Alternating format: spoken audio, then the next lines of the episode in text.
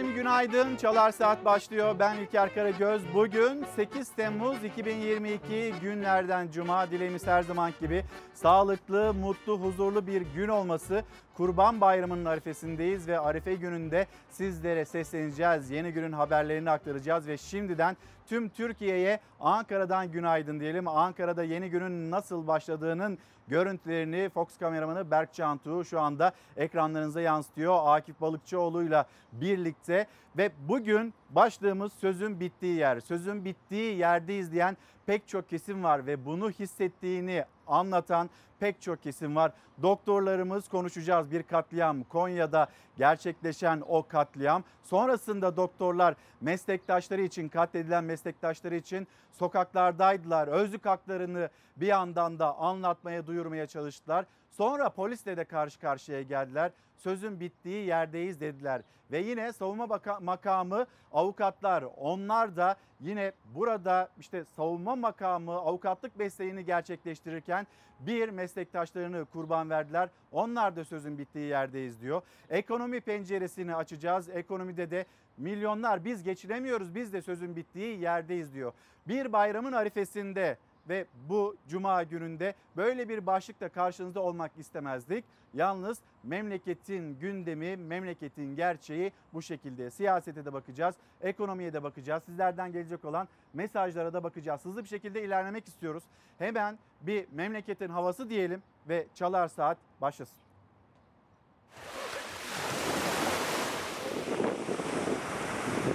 Yurt genelinde hava sıcaklığı mevsim normallerinde ancak merak edilen bayramda nasıl olacağı meteoroloji gün gün havanın raporunu açıkladı. Özellikle bayramın birinci ve ikinci günlerinde kuvvetli yağmur alan bölgeler var haritada. Kurban Bayramı ile birlikte hafta boyunca yurdun kuzey kesimlerinde aralıklı ve yerel gök gürültülü sağanak yağışlar bekleniyor. Hava sıcaklıkları genellikle mevsim normallerinde ancak Doğu ve Güneydoğu Anadolu'da mevsim normallerinin üzerinde olması bekleniyor. Bugün Marmara'nın kuzeyinde yağmur geçişleri görülebilir. Cumartesi bayramın birinci gününde yurdun batısında neredeyse her il yağışlı. Doğu Anadolu'nun kuzeyiyle Doğu ve Batı Karadeniz'de de hava olayının adı yağmur. İzmir, Aydın, Denizli, Muğla ve Antalya'da hava güneşli. Sıcaklıklar 30 derecenin üstünde olacak. Bayramın ikinci gününde yağmur daha da geniş bir alana yayılacak. Marmara, Karadeniz ve İç Anadolu kuvvetli yağmurla ıslanacak. Güneydoğu Anadolu ise 40 dereceye yaklaşan sıcaklıklarla kavrulacak. Üçüncü ve dördüncü gün Marmara ve İç Anadolu'yu terk ediyor yağmur. Sadece Karadeniz'de etkili olmaya devam edecek. Kuvvetli yağması beklenen yağmur yurdun kuzeyinde sele neden olabilir. Tedbirli ve dikkatli olmakta yarar var. Serkan Bey, Banu Hanım günaydınlar. Bizler de sizlere Ankara'dan selamlarımızı iletelim. Derya Bey memur maaşlarına bir yandan dikkat çekerken yaşadıkları bir durum 450 lira olan oğlumun yurt ücreti bir gecede 928 lira olmuş. Sadece insaf diyorum bu çocuklar öğrenci ama bakıyorsunuz TÜİK'in açıklamalarına enflasyon %78'lerde. E, Ayşe Hanım selamlar. E, Arife günümüz ve Kurban Bayramımız kutlu olsun demiş. Şimdiden herkese de iyi bayramlar dileklerini iletmiş. Bizler de kendisine ve tüm izleyicilerimize bir kez daha iyi bayramlar diyelim. Cumhuriyet Gazetesi, Cumhuriyet Gazetesi'nin manşeti şiddete hayır diyor Cumhuriyet Gazetesi. Doktor Karakaya ve avukat Bakırtaş'ın katledilmesini on binler protesto etti. AKP iktidarının yarattığı toplumsal iklim şiddet olaylarını körüklüyor.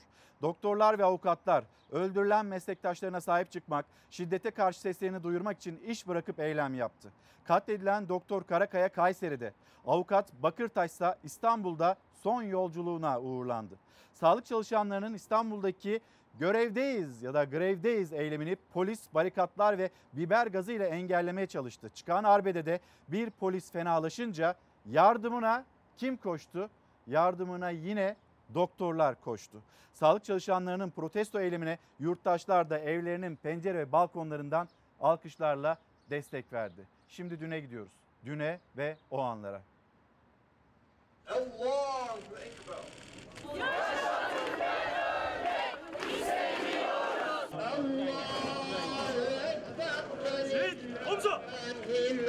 Geçen hafta pazar günü 3 saatlik bir görüşme yaptık. Bayram izni almayacak mısın dedim. Alamayacağım abi dedim. Nöbetlerim var dedi. Konya'ya döndü pazar akşamı ve çarşamba akşamı şehit oldu. Konya'da görevi başında öldürüldü doktor Ekrem Karakaya. 47 yaşındaki doktor son yolculuğuna uğurlanırken meslektaşları seslerini duyurmak, sağlıkta şiddete son demek için grev kararı aldı. Hemen her ilde hastanelerin önünde eylemdeydi. İstanbul'da ise acıları katlandı. Çünkü polis sağlık çalışanlarının yürüyüşüne izin vermedi. Biber gazı sıktı. Müdahalede fenalaşan polise ilk koşan da yine doktorlar oldu.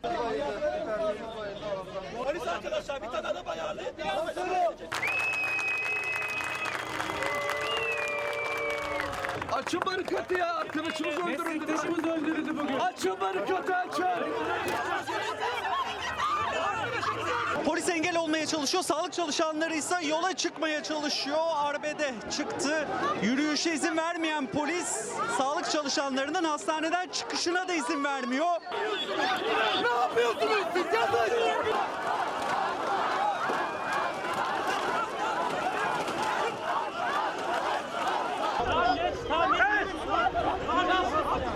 Bugün artık eylem zamanıdır. Hep birlikte ölen arkadaşlarımız için ve kalanların sağlığı için burada toplanmış bulunuyoruz. Sağlık çalışanlarına yönelik şiddet artarak devam ederken acı haber Konya'dan geldi. Hasta yakını tarafından öldürülen kardiyoloji uzmanı Doktor Ekrem Karakaya için birçok şehirde protestolar vardı. Grev kararı alan, iki gün iş bırakan sağlık çalışanları yaşananlara çok tepkiliydi. Yaşanan acı olaylar son bulsun diye ses yükselten sağlık çalışanları eylemde. Çapa'da İstanbul Tıp Fakültesi'nde toplanan sağlık çalışanları protesto yürüyüşü düzenliyor. Hastanelerde güvenlik zafiyeti var. AVM'lerde bile X-ray cihazları var. Ama hastaneleri her isteyen elini kolunu sallayarak girebiliyor. Buna isyan etmemek mümkün değil. Eskişehir, Tekirdağ, Sivas, İzmir. İller farklı ama yükselen ses aynıydı. Sadece devlet hastanelerinde değil, özel hastanelerde görev yapan hekimler de tepki gösterdi yaşananlara. Kardeşimiz şehit olmadı. Katledildi. Lütfen olayın minimalize edilmesine izin vermeyin. Kardeşimizin ruhu şad olsun. Doktor Ekrem Karakaya'nın cinayete kurban gittiği Konya Şehir Hastanesi'nde meslektaşları anma töreni düzenledi. gerekli güvenlik tedbirlerinin alınmaya başlandığını görene kadar eylemlerle taleplerimizin arkasında olacağız. Bu acıları bir daha yaşamak istemiyoruz. Karakaya'nın cenaze töreni ise Kayseri'deydi. Sağlık Bakanı Fahrettin Koca da katıldı. Bakana tepki gösterenler oldu.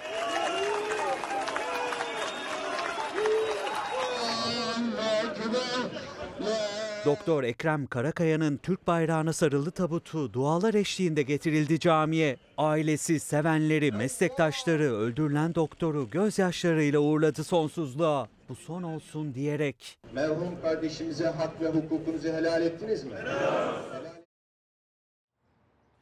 Gülseren Hanım günaydın, iyi bayramlar size de. Güzel haberler vereceğiniz bir yayın diliyorum size ama nerede? Sözün bittiği yerdeyiz. Bırakın doktorlarımızın yakasını diyor. Az önce haberde de duydunuz. Kalanlarımızın sağlığı için burada toplandık dedi. Doktorlar, doktorlar için de böyle. Avukatlar için de böyle ve avukatlar da bugün duruşmaları boykot kararı aldı. Şimdi tekrar Cumhuriyet Gazetesi'ne dönelim. Cumhuriyet Gazetesi'nde söz savunmada ve savunma makamı diyor ki ölüyoruz. Avukat Bakırtaş'ın cübbesi tabutuna serilirken cenaze töreninde konuşan Günsel'in Bakırtaş, eşim, bir kızım ve bir oğlum avukat, diğer kızım doktor. Ülkenin çok iyi yetişmiş insanları bunlar. Onlar bizim geleceğimiz, davasını sonuna kadar takip edeceğiz. Eşi konuştu Günsel'in Bakırtaş. Eşinin ardından uğurladığı, sonsuzluğa uğurladığı eşinin ardından işte bunları söyledi. Evlatlarım, işte avukat olanlar var, doktor olanlar var. Bunlar bu ülkenin yetişmiş insanları, iyi yetişmiş insanları senelerce mücadele veriyorlar daha iyi olabilmek için ve insanları yaşatabilmek için ya da hakları için daha fazla çalışıyorlar, okuyorlar, çabalıyorlar ve karşılaştıkları muamele bu. Ve bu yüzden de meslektaşları ya boykotta ya da grevde. Devam edeceğiz. Yalnız Profesör Doktor Rana Karabudak hocamın dün benimle paylaşmış olduğu bir grafik var, bir tablo var. Onu paylaşmak istiyorum ben de sizlerle. Yani biz bunu bugün konuşacağız bu acıyı en üst seviyede ama sonra unutulmasın diyor Rana Karabudak. Ve şimdi baktığımızda bir tablo var. Saldırılar nasıl gerçekleşiyor? Saldırı türleri neler? Saldırganlar kimler? Ne ceza veriliyor? Mağdur sağlık çalışanlarının da bir grafiğini hemen görüyorsunuz. Şimdi baktığımızda saldırı türleri neler? En fazla neyi yaşıyor sağlık çalışanları? Fiili ve sözlü saldırıyı yaşıyor. Sonra saldırı nerede gerçekleşiyor? Yine haberin içinde var da AVM'lere girerken o X-ray cihazlarından geçmek zorundasınız. Ama hastanelere girerken bu yok. Bununla ilgili bir düzenleme yapmayacak mısınız diye seslendiler. Ve en çok saldırıya uğradığı yer ça- sağlık çalışanlarının hastaneler. Kim bu saldırganlar? Bunun da profili var ve hasta ve hasta yakınları tarafından saldırıya uğruyorlar. Ne ceza veriliyor? Rana Karabudak hocanın paylaşmış olduğu grafiğe baktığınızda dikkatlice işte bakın %37 oranında gözaltına alınıp serbest bırakılıyorlar. Sonra %34 oranında da hakkında işlem yapılmayanlar onlar var. Altına da baktığımızda mağdur sağlık çalışanlarının branşlarını görüyorsunuz. Saldırganlar, ne cezalar veriliyor? Bu nasıl, bu döngü nasıl kırılacak? Bununla ilgili aslında yönetenlerden bir adım bekliyorlar. Dün pek çok üniversiteden çağrılar geldi. Tıp fakültelerinden çağrılar geldi. Ankara Üniversitesi'nden de geldi. Ankara Üniversitesi Tıp Fakültesi olarak kardiyoloji uzmanı Doktor Ekrem Karakaya'nın görev yaptığı Konya Şehir Hastanesi'nde tabancayla vurularak öldürülmesini kınıyor. Merhum doktorumuza Allah'tan rahmet, kederli ailesi ve sevenlerine sabır diliyoruz dedi Ankara Üniversitesi Tıp Fakültesi Dekanlığı. Yalnız Yine Ankara Üniversitesi'nden Ankara tıplı bir grup öğretim üyesi bu açıklamayı yeterli bulmadı. Çünkü bu açıklama sağlık çalışanlarının ve doktorların ne istediğini, ne talep ettiğini tam olarak ifade etmiyor dediler. 150'den fazla e, öğretim üyesinin mesajını Sinan Adıyaman da benimle paylaştı. Okumak istiyorum müsaadenizle. Hiçbir cana kıyılamaz. Yaşatmak için uğraşanların işlerini yaparken öldürülmesi ise o toplumun felaketidir. Saldırıya uğramadığımız gün yok. Daha geçen hafta linçten güçlükle kurtarılan meslektaşımız diplomasını yırttı. O gün konuştuk unuttuk. Biz bugün katledilen bir doktoru konuşuyoruz. Sağlık çalışanlarını konuşuyoruz. Mesleği bıraktı. Daha önceki bir gün meslektaşımız 1 Ekim 1 Oca önceden planlanmış bir saldırıya uğradı. Birisi hekim olmak üzere iki sağlık çalışanı vahşice katledildi. Ve diyorlar ki sağlığı yönetenlere sesleniyoruz. Bizi hedef gö- gösteren diliniz için sağlık çalışanlarından özür dileyiniz. Artık sağlığı bir tüketim nesnesi olarak görmekten vazgeçiniz. Performans denilen hürmetsizliğe son veriniz. Başsağlığı mesajlarından ibaret icraatlarınıza ara verip bizlere kulak veriniz. İmza Ankara Tıplı bir grup öğretim üyesi Sinan Adıyaman'ın da paylaşımıyla bunu da sizlere ulaştırmak istedim. Yine devam edelim istiyoruz. Bir bakalım Gazete Pencere, Gazete Pencere'nin manşetine tam sayfadan bir bakalım. Dün yaşananları Gazete Pencere acaba ilk sayfasında nasıl topladı? Bir, duyun bu çığlığı. İşte doktorlarımızın seslenişi ve onların ne istediğini az önce sizlere aktarmıştım. Sonra sonsuzluğa uğurlananlar, bir doktor, bir avukat, daha doyamadık diyen aileleri peşinden. Cenazeleri vardı. Şimdi savunma makamı ve yine tıp dünyası, hastaneler, doktorlar onların dün cenazesi vardı. Ya grevdeydiler ya da boykotta. Sağlık Bakanı Fahrettin Koca ona yönelik olan ıslıklı protesto yine gazete pencerenin ilk sayfasında. Bayılan polise eylemde müdahale kim tarafından yapıldı? Doktorlar tarafından yapıldı. Ama bu ülkenin polisleriyle bu ülkenin doktorları dün karşı karşıya gelmek zorunda kaldı. Ve bakın çok dikkat çekici bir görüntü. Onu da paylaşalım istiyoruz sizlerle. Hekimin polise isyanı, annenizi, babanızı, hatta sizi ben tedavi ediyorum. Şimdi yine düne sokaklara ve doktorların o seslenişine dönelim.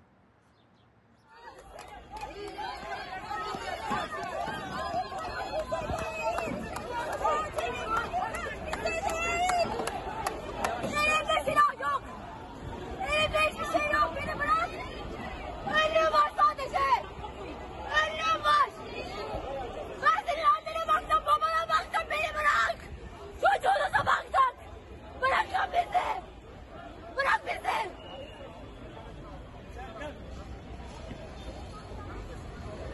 Gel benimle beraber yürü. Senin de hakkını savunacağız. Katillere barikat, sağlıkçıya değil. Katillere barikat, sağlıkçıya değil.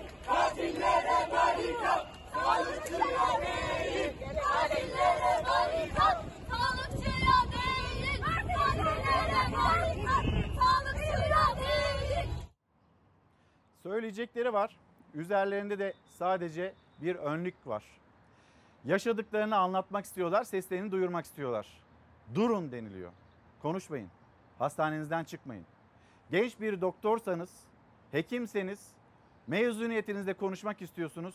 Sonra birisi geliyor omzunuza dokunuyor. Yeter. Hadi bu kadar yeter. Daha fazla konuşma. Protestolar yükselmese susturulacak oradaki genç hekim. Bunlar yaşanıyor. Bunlar yaşanırken dünya neyi konuşuyor? Ona da geçeceğiz. Yalnız Hürriyet gazetesi ve manşeti. 10 numara doktordu.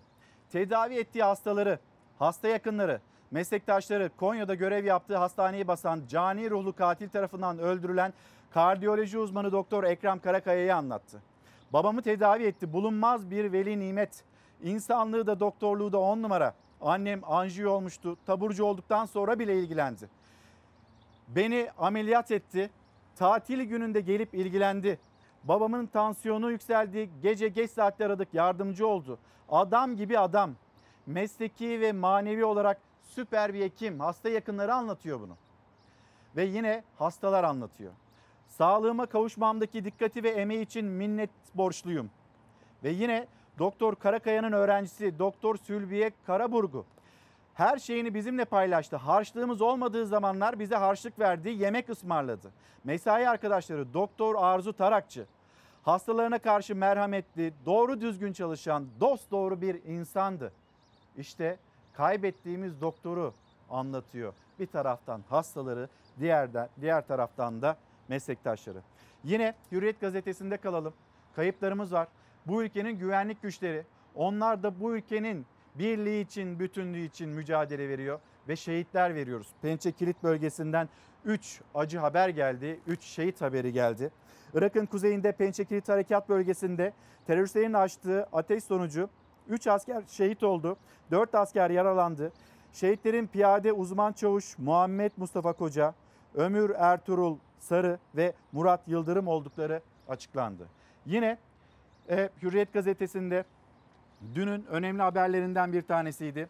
Kadir Şeker'e nihayet tahliye.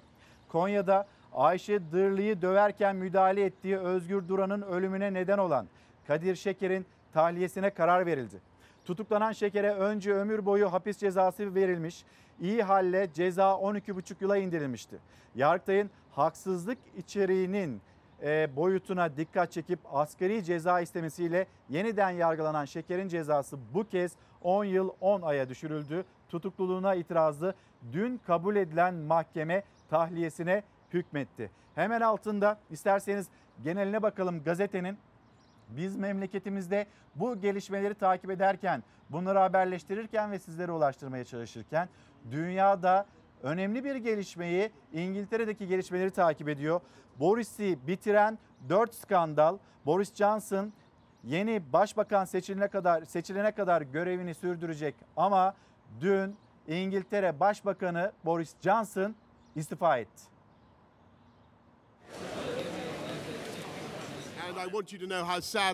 Dünyanın en iyi işini bıraktığım için çok üzgün olduğumu bilmenizi istiyorum. İngiltere Başbakanı Boris Johnson istifasını bu sözlerle duyurdu dünyaya. Yeni lider seçilene kadar görevimin başındayım dedi.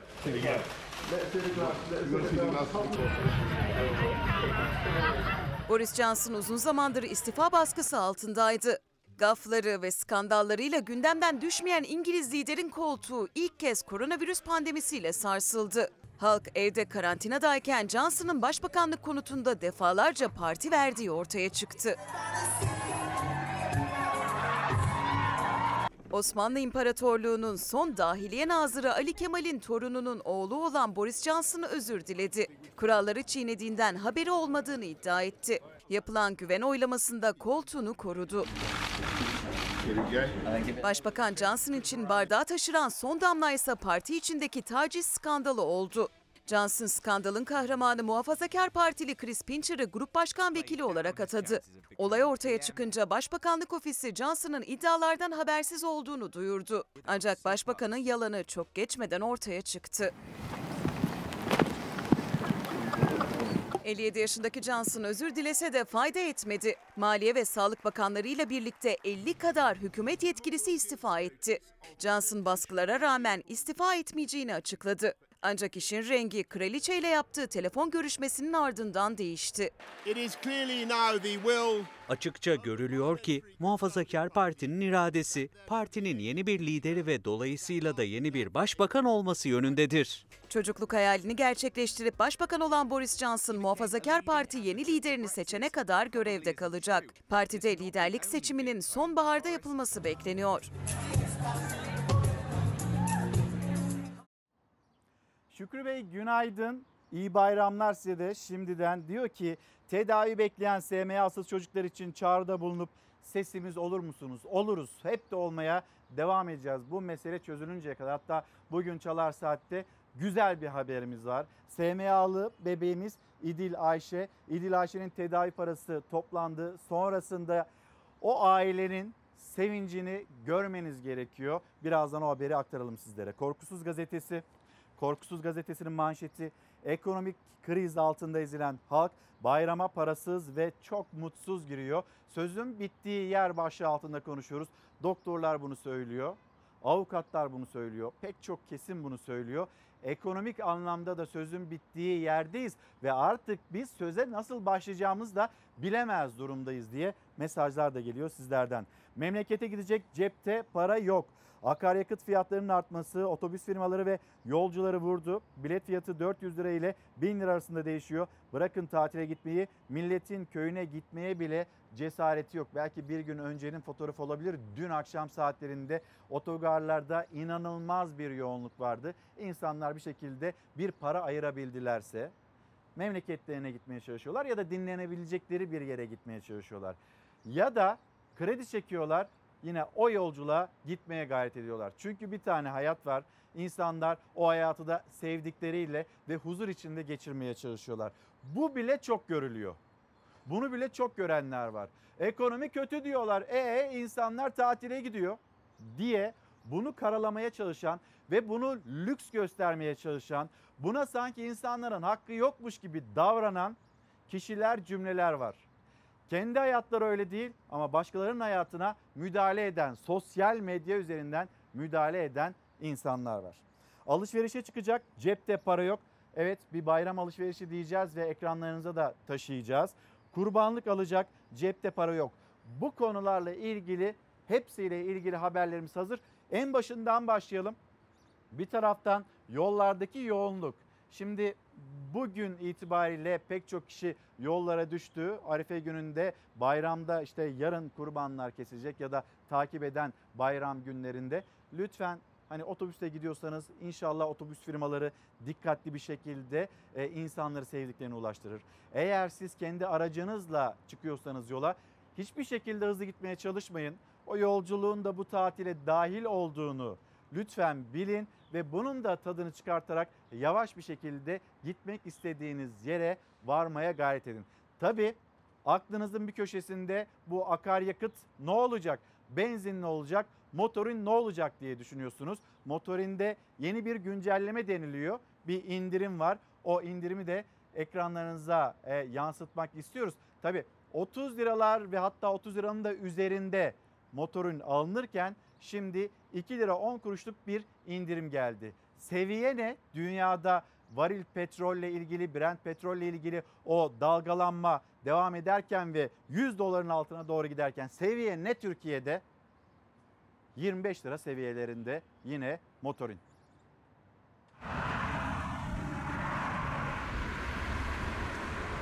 Kurban Bayramı ile birlikte milyonlar 9 günlük tatil fırsatıyla yollarda. Burası Kırıkkale. 43 ilin kesiştiği adreste kilometrelerce uzunluğunda kuyruk.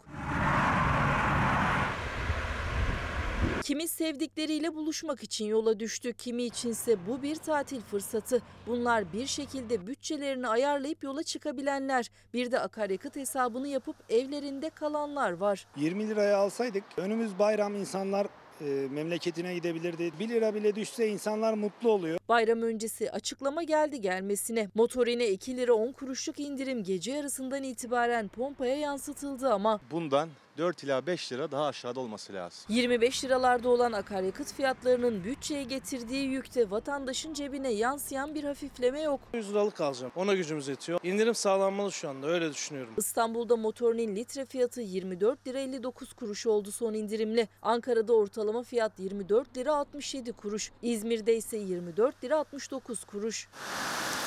İki gün önce 96 kuruşluk ek zamdan vazgeçilen benzine gelince geçen yıl tam da bu zamanlar 7 lira 74 kuruştu benzinin litresi. Son bir yılda %225 zamlandı. İstanbul'da benzinin litresi 25 lira 20 kuruştan, Ankara ve İzmir'de 25 lira 30 kuruştan satılıyor. Enerji uzmanı Ali Arif Aktürk'e göre Türkiye'de akaryakıt fiyatlarının yüksek olmasının bir nedeni de ülkeye yakıt getiren firmaların ucuz aldıklarını iç pazara pahalıya satması. olağanüstü bir dönemi yaşıyoruz. Yani enflasyon yüzde yüzlere yaklaştı. Enflasyonla mücadelede tüketici fedakarlık yapıyorsa ithal eden insanların da bir miktar karlarından fedakarlık etmesi gerekiyor. Tedarikçinin yüzde 30 mertebelerindeki ithalattaki avantajını pazara yansıtmış olsalardı yüzde 15'in üzerinde e, daha düşük fiyatla akaryakıtı temin etme imkanımız vardı. Birileri kazanıyor evet ama e, kazanan kesinlikle halk değil. Diyorlar ki orada da yüksek enflasyon var vesaire var. Ama onların parası değerli. Bizim para pul olmuş durumda. Bizim paradan aldığım bir şeyi işte görüyorsunuz yani yakıta verdiğimiz paranın haddi hesabı yok. Sözcü gazetesi manşetinde doktorumuz var, avukatımız var. İşte Atatürk'ün beni emanet edin dediği Türk hekimi bu. Doktorlara biber gazı sıkarken fenalaşan polisi yine doktorlar tedavi etti. Doktor cinayetini protesto edenlere polis orantısız güç kullandı. O sırada bir polis fenalaşıp yere yığıldı. Polise ilk yardımı eylemdeki genç doktorlar yaptı. Hemen o fotoğraflara da bakalım. Şiddeti protesto edenlere şiddet, polis meslektaşlarının öldürülmesinin acısını yaşayan sağlık çalışanlarına sanki suçluymuş gibi davrandı ve arbede çıktı o fotoğrafın altındaki yazı. Yaman çelişkiyi gösteren o fotoğraf. Biber gazı ve şiddet yerine övgüyü hak eden sağlıkçılarımız eylemde bayılan polis için seferber oldu, alkış aldı. Ve Konya'da kardiyoloji uzmanı doktor Ekrem Karakaya'nın önceki gün hastanede öldürülmesi büyük infial yarattı. Dün Türkiye'nin dört bir yanında sağlıkçılar cinayeti protesto etti. İstanbul Çapatıp'ın önündeki eylemde ise istenmeyen olaylar yaşandı. Polis bakan istifa diye haykıran sağlıkçıların e, yürümesini engelledi. Biber gazı sıkıp dağıtmaya çalıştı. Bu sırada bir polis fenalaşıp yere yığıldı. Baygın polise ilk tedaviyi oradaki doktorlar yaptı. Bu davranış büyük takdirle karşılandı. Sözcü gazetesinde seçtiğimiz bir haber daha var. Burada takdiri size bırakıyorum. Yorumunuz ne olur? Başlığımızda sözün bittiği yer takdir sizin. Valiye göre doktorun öldürülmesi şiddet değil. Gaziantep valisi Davut Gül Konya'daki doktor cinayeti için konuştu. Gül bu olayı sağlıkta şiddet gibi açıklayamayız dedi. Valinin bu sözleri sosyal medyada tepki çekti. Sizce Sayın Valinin sözleri ne kadar gerçeği yansıtıyor? Ve bir doktorun öldürülmesi şiddet olarak değerlendirilmeyecekse tam olarak şiddeti nasıl tanımlayacağız? Tekrar geri dönelim mi İrfan şu grafiğe? Yaşadıklarını yani o makamlardan konuşmak kolay. Etrafınızda hani korumalar varken, güvenlik güçleri varken konuşmak kolay ama insanlar, ama doktorlar, ama avukatlar, her kimse bu şiddetin mağduru oluyor bir şekilde. İşte bir grafik. Hani yorumu size bırakıyorum dedim ama o grafiği paylaşmak istiyorum bir kez daha. Belki televizyonunuzu yeni açtınız. Bakın Rana Hoca paylaşmıştı. Rana Karabudak. Saldırılar nerede gerçekleşti? Saldırı türleri nelerdir? Saldırganlar kimlerdir? Ne ceza verildi? Ve sonra şiddet nedir? Neye denilir? Bir valinin gözünde, yönetenlerin gözünde şiddet olabilmesi için ne olması gerekir? Hani bir doktorun öldürülmesi şiddet olamıyorsa daha ne olması gerekir? Onu sorayım sizlere. Saldırı türleri fiili ve sözlü. 162 vaka var böyle. Sözlü 22, mobbing 5, taciz 1. Saldırılar nerede gerçekleşiyor? Hastanelerde 146 vaka. Sonra aile sağlık merkezlerinde 13, olay yeri 31. Saldırganlar kim? Hasta ve hasta yakınları. Sonra yöneticiler geliyor. Sonra da magandalar geliyor. Ne ceza veriliyor? Burası çok önemli. Hani deniliyordu ya eskiden çok fazla duymuyoruz artık onu. Burası çok önemli. Bunu çözmek için ne yapacaksınız acaba diye ana muhalefet partisi lideri Kemal Kılıçdaroğlu'nun bir çağrısı var. Meclis tatilde eğer gerçekten üzgünseniz sorunu mecliste çözelim. Toplayın meclisi olağanüstü. Bu mümkün olur mu olmaz mı birazdan konuğumuz olacak. Toplayın meclisi bu meseleyi artık çözelim diyor kendisi. Ve bakıyorsunuz %37 oranla gözaltına alınıp serbest bırakılıyor. Yani yanına kar kalıyor saldırganın. Sonra %34 oranında da hakkında işlem yapılmayanlar geliyor. Bu grafiklerden sonra yine Korkusuz Gazetesi'nde de dikkat çekmiştik. Hani memleketin ekonomi başlığına, bayram gündemine geri dönecek olursak yorumlarınızı bekliyorum bu arada. Yani bir doktorun öldürülmesi, katledilmesi şiddet değilse ve böyle tanımlanamaz deniliyorsa tam olarak biz şiddeti nasıl anlatacağız, açıklayacağız, nasıl tanımlayacağız? Ve gelelim bir de bayram alışverişine. Bayram alışverişine mi? Ya öyle geldik bir fındık bir şeyler alalım diye ama aşırı pahalı. Alamıyoruz ki böyle geziyoruz. Gelip şurada fiyatlara bakıyorum. Mümkün değil. Alamam ben bir şey. Fiyatlara bakıyorum yani. Alışveriş yapacak mı? Yapmayacağım. Bayram alışverişi fiyatlara baka baka geçiyor. Ne bayramda ailece kahvaltı sofrası için kahvaltılık ne de gelen misafire ikramlık. Hiçbirinin yanına yaklaşamadı dar gelirli. Bir kahve ile geri döndü çoğu kişi. Ha kahve aldım. Başka? Başka bir şey almadım. Bir kahve aldım. Başka bir şey yapmadım. Ona da 30 lira para verdim yani. Başka bir şey yapamadım yani. Şeker? Yok alamadım. Bayram sofrası kurulacak mı? Yok hayır hayır hayır hayır hayır. Gönlünü almak isteyen mesela kahvaltılık almak ister. Kaşar peyniri, sucuk, ne bileyim kavurma. Daha önce alıyorduk bunları. Pastırma. Gönlünüzün istediğini alabilecek. Alamayacağım. Bayram haş- şey alışverişini bıraktınız gidiyorsunuz öyle. Gideyim başka çarem yok.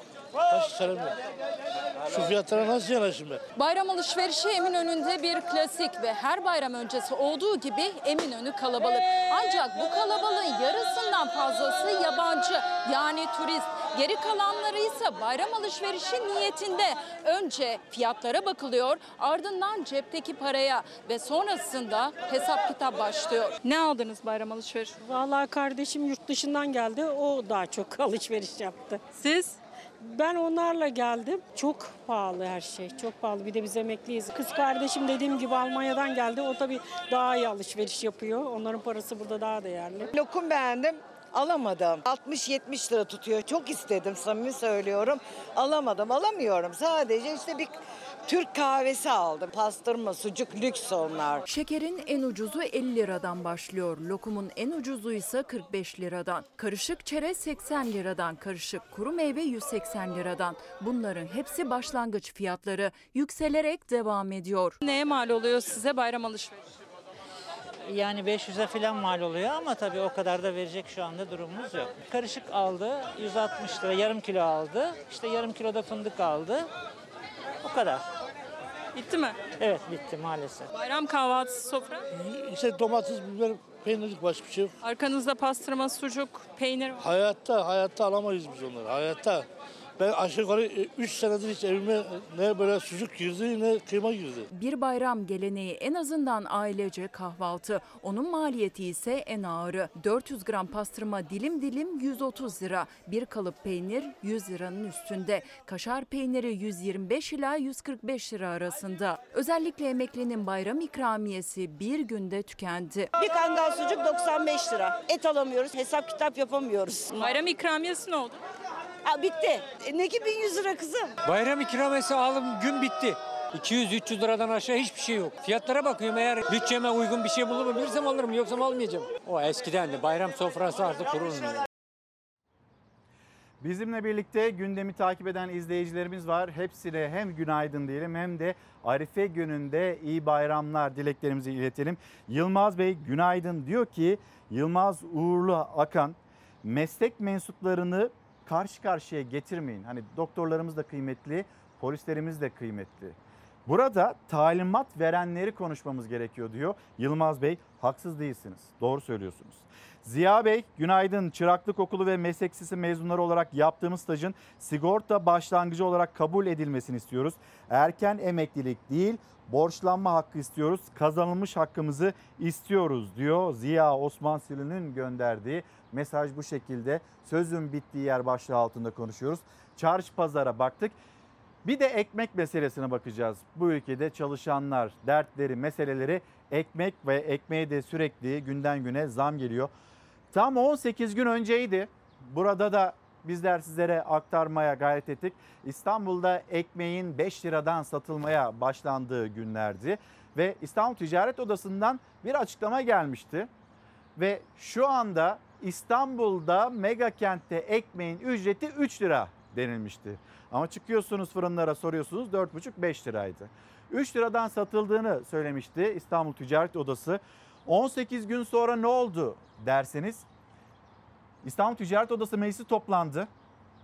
İstanbul'da 3 lira dedikleri ekmeğe %33.3 zam yaptılar. İstanbul'da resmen ekmeğin fiyatı 4 lira. 5 lira olacak diyorlar. Çok yani fakir fukara nasıl geçinecek? Tam 18 gün önceydi İstanbul'da ekmeğin fiyatının bazı fırınlarda 5 liraya çıktığı haberlerine şimdilik hayır demiş. Megakent'te 210 gram ekmeğin satış fiyatının 3 lira olduğunu açıklamışlardı. Dün İstanbul Ticaret Odası ekmeğin %33,3 zamlanmasını 4 liradan satılmasını oyladı, onayladı. En çok fırınlar zam yapmak istemez. Çünkü satamıyoruz kardeşim. Bir kuru ekmeğimiz var. Onu da artık halk alamıyor. İstanbul enflasyonunu kendisine bağlı fırınlarda ekmek 3 lirayken %94,19 olarak açıklamıştı İTO. Meclis dün yaptığı toplantıda zam yaptı. Ticaret Odası 210 gram ekmeğin 4 liraya yükseltildiğini açıkladı. Yani artık resmen İstanbul'da ekmek 4 lira. Devlet zam koymadan kafalarına göre koyuyorlar. Yasallaşmadan ekmek 5 lira diyor. Ama aslında maliyetleri unu, buğdayı, enerji kalemlerini, işçi giderleri gerekçe gösteren fırıncılar kentte fiilen 4,5 liradan satıyordu ekmeği. Bazı semtlerde fiyat 5 liraya kadar da çıkıyor. Ekmek fiyat tarifesinin güncellenmesi için Ticaret Bakanlığımıza başvuru yapılmıştır. Bu başvuru süreci sonuçlanana kadar İstanbul'da 210 gram ekmeğin fiyatı 3 TL'dir. İstanbul Ticaret Odası Ticaret Bakanlığı'na güncelleme başvurusu yaptıklarını açıklamıştı yaklaşık 20 gün önce. İstanbul'da ekmeğin fiyatının 5 lira olacağına yönelik haberlerin ise gerçeği yansıtmadığını açıklamışlardı. Gelen onayla belki de Ticaret Odası da %33.3'lük zammı resmileştirdi kendi meclisinde. Bu arada halk ekmekte 250 gram ekmek hala 2 lira. Ve şimdi Kurban Bayramı öncesinde besicilerin yaşadığı sorunlar. Müşteri geliyor, müşterinin gücü yetmiyor. Maliyetler arttı. Ben geçen sene 121 liraya yem aldım. Ben bu sene 380 liraya geldim. Ama geçen sene bize para da soran yoktu. 3 aylık, 2 aylık alıyorduk. Şimdi yemci hesapta parayı görmeyince yem de veriyor. Peşin para Peşin para istiyor. Yani çek de öldü, senet de öldü, gün de öldü, nefes de öldü, öldü de öldü. Bu bana bakıyor zabağından hacı abi yem verecek mi diye. Ben buna bakıyorum veremiyorum diye. Yani durum bozuk. Yok, soran gidiyor, soran gidiyor. Soran gidiyor, alıcı da yok. Alıcı da, Alıcı da yok. Kimsenin bütçesini kaldırıp da alamıyor. Bu adam da yemden dolayı ucuz veremiyor malını. Doğru? Yemeği biz pişiriyoruz, biz yiyemiyoruz. O da iki yiyemiyor. Adana'dan getirtiremiyor şu an adam. Niye nakliyenin mazotu diyor yerinde bin liraya alıyormuş adam ama samanı ama buraya gelmeye 2000 lira oluyor. Samanı tekrar bir daha satın alıyor. Ama ne hikmetse uzaya gidiyoruz diyorlar. Uçuyoruz diyorlar. iyice bitecek. Bizim niye haberimiz yok? Bundan bilmiyoruz. Yani bak şimdi iyi veya kötü bir şekilde satarsın ucuz pahalı. Ödediğin ödem, ödeyemediğinden sorgulanın. Hacizlik olur mu? O ahır bir tane ne? Yemin edeyim bittik ya. Vallahi battık, billahi battık. Bir gün gazetesi okurlarının karşısına beyaz önlüğün isyanı manşetiyle çıkarken Milliyet gazetesi, Milliyet gazetesinin manşetinde de Cumhurbaşkanı Erdoğan'ın sözleri var. Erdoğan Karakaya'nın ailesini aradı. En güçlü adımı atacağız dedi. Doktor Ekrem Karakaya'nın hasta yakını tarafından katledilmesi tüm yurtta protesto edildi. Aileye taziyelerini ileten Cumhurbaşkanı Erdoğan, sağlıkta şiddete karşı gereken adımların en güçlü şekilde atılacağını söyledi. Peki CHP lideri Kemal Kılıçdaroğlu onun çağrısı da ortada. O zaman hızlı bir şekilde ve olağanüstü şekilde meclisi toplayalım. Meclis tatil yapmasın ve bu düzenlemeyi, bu yasayı çıkartalım dedi. Cumhurbaşkanının sözleri de ortada ve siyasette bir samimiyet testi gibi bir durum var. Meclis olağanüstü toplanacak mı, toplanmayacak mı? Mesela İyi Parti bu duruma nasıl yaklaşıyor? Şimdi reklamlara gideceğiz. Döndüğümüzde hem bu konuyu konuşacağız. İyi Parti Grup Başkan Vekili Erhan Usta Çalar Saat'te misafirimiz olacak. Hem siyasetin başlığını konuşacağız. Hem sözün bittiği yer diyen doktorlar, avukatlar onların durumunu konuşacağız. Ve yine en çok ekonomiyi konuşacağız reklamlardan sonra. Efendim bir kez daha günaydın. Çalar Saat devam ediyor. Bugün başlığımız sözün bittiği yer az önce de söylemiş olduğum üzere bir misafirimiz var. Arife gününde Çalar Saat'te. İyi Parti Grup Başkan Vekili Erhan Usta şu anda Çalar Saat'te misafirimiz. Kendisi bir yandan siyasetçi, diğer yandan ekonomist ama aynı zamanda genç bir hekimin de babası. Efendim günaydın. Günaydın. Hoş geldiniz. çok teşekkür ederim. Ee, hediyeniz, evladınız Evet. mezun oldu. Ve Mezun oldum. Dün mü, evvelsi gün mü bir fotoğraf paylaştınız siz de sosyal medya üzerinden. Evet. Ve sonra biz aynı gün bir başka acı haberi Maalesef. öğrendik. Bir yandan gururu yaşıyorsunuz elbette. Evladınız hekim oldu, doktor oldu. E diğer yandan da bir baba olarak kaygınız var mı? Ne söylersiniz? Maalesef yani e, ülkemizde her gün üzücü bir e, sağlıkta şiddetle karşılaşıyoruz. Bu bazen yaralama şeklinde oluyor, bazen öldürme şeklinde varabiliyor. İşte o günde yine kızımın mezun olduğu gün bir tane genç hekimimiz ve sekreteri biliyorsunuz e, öldürüldü. E, tabii bu insan hakikaten yani toplumda ki herkesi kaygılandırdığı gibi bizi de kaygılandırıyor. Hem bir milletvekili olarak hem de işte yeni çiçeği burnunda bir hekim babası olarak kaygılandırıyor. E, Bunların önüne geçilmesi lazım. Yasal bir takım düzenlemeler yapıldı. Eğer yetersizse bunların daha fazlasını yapmamız gerekiyor. Yani insan bir insan kolay yetişmiyor. Bakın yani hele böyle bir işte tıp okuyorsa çocuğunuz onunla birlikte siz de okul okuyorsunuz. Anlatır mısınız çocuğunuzun Yani- eğitim hayatını? Şöyle benim yani üç- bugüne benim- nasıl geldi benim ki üç- devamı da olacak. Evet tabii. Üç tane kızım var. Bir tanesiyle o bu işte 2019'da mezun oldu. Bilkent'ten mezun oldu. İşte ikincisi Hediye. Ama tabii tıp fakültesi öğrencileri bir de üçüncü kızım var. O şu, şu anda TED'de okuyor. Ee, tıptaki öğrencilerle biraz, birlikte biraz da siz de aile olarak okuyorsunuz. Yani elbette derslerine onun gibi ders çalışmıyorsunuz ama yatmanızı, kalkmanızı, her şeyinizi ona göre ayarlamanız gerekiyor. Çünkü o çocuklar hakikaten çok fazla ders çalışıyorlar. Çok aşırı ders çalışıyor. Biz de öğrencilik yaptık. İşte diğer çocuklarım da var. Yani on, herkesin normal bir öğrenci 2-3 katı ders çalışan, bütün hayatları ders çalışmakla geçen çocuklar bunlar. Hiç of puf dediğine şahit oldunuz mu? Ya oluyor tabii. Hatta belli bir aşamasında mesela tıp fakültesinden ayrılan çok öğrenci var. İkinci sınıfta, üçüncü sınıftan ayrılıyor. Öyle yani mi? tabii bir bıkkınlık olup veya bir bezip ayrılması endişesini taşıdım ben 6 yıl boyunca. Yani acaba çocuk şey yapar mı? Ama çok şükür. Hani biraz da çünkü tıp fakültelerine çocuklar biraz da ailelerin zoruyla gider. Her anne baba bir tane çocuğunun bir doktor olmasını ister. Siz zorladınız mı? E biz zorlamadık ama teşvik ettik. Mesela biraz aslında mühendislik falan istiyordu. Yani kız çocukları çok fazla mühendislik istemez. Aslında Peki şimdi baktığınızda böyle sağlık çalışanları, hekimlerin durumuna baktığınızda Kendisi mutlu. Mesleğini çok seviyor. Yani işini çok seviyor. Ama tabii şu anda yaşadığımız bu olayları da görünce insan kaygılanıyor. Yani benim çocuğum başına da gelir mi diye. e, insan endişe etmiyor değil. Bu endişeyi taşıyoruz ama işte bir yandan da bu işleri düzeltme sorumluluğumuz var ülkede. Bir siyasetçi olarak bu sorumluluk sizin üzerinizde. Elbette, CHP elbette. lideri Kemal Kılıçdaroğlu'nun bir çağrısı var. Meclisi olağanüstü toplayalım. Hemen gelsin meclis ve buradaki düzenlemeyi yapalım diye. Cumhurbaşkanı Erdoğan Milliyet Gazetesi'nin de manşetinde yer alıyor.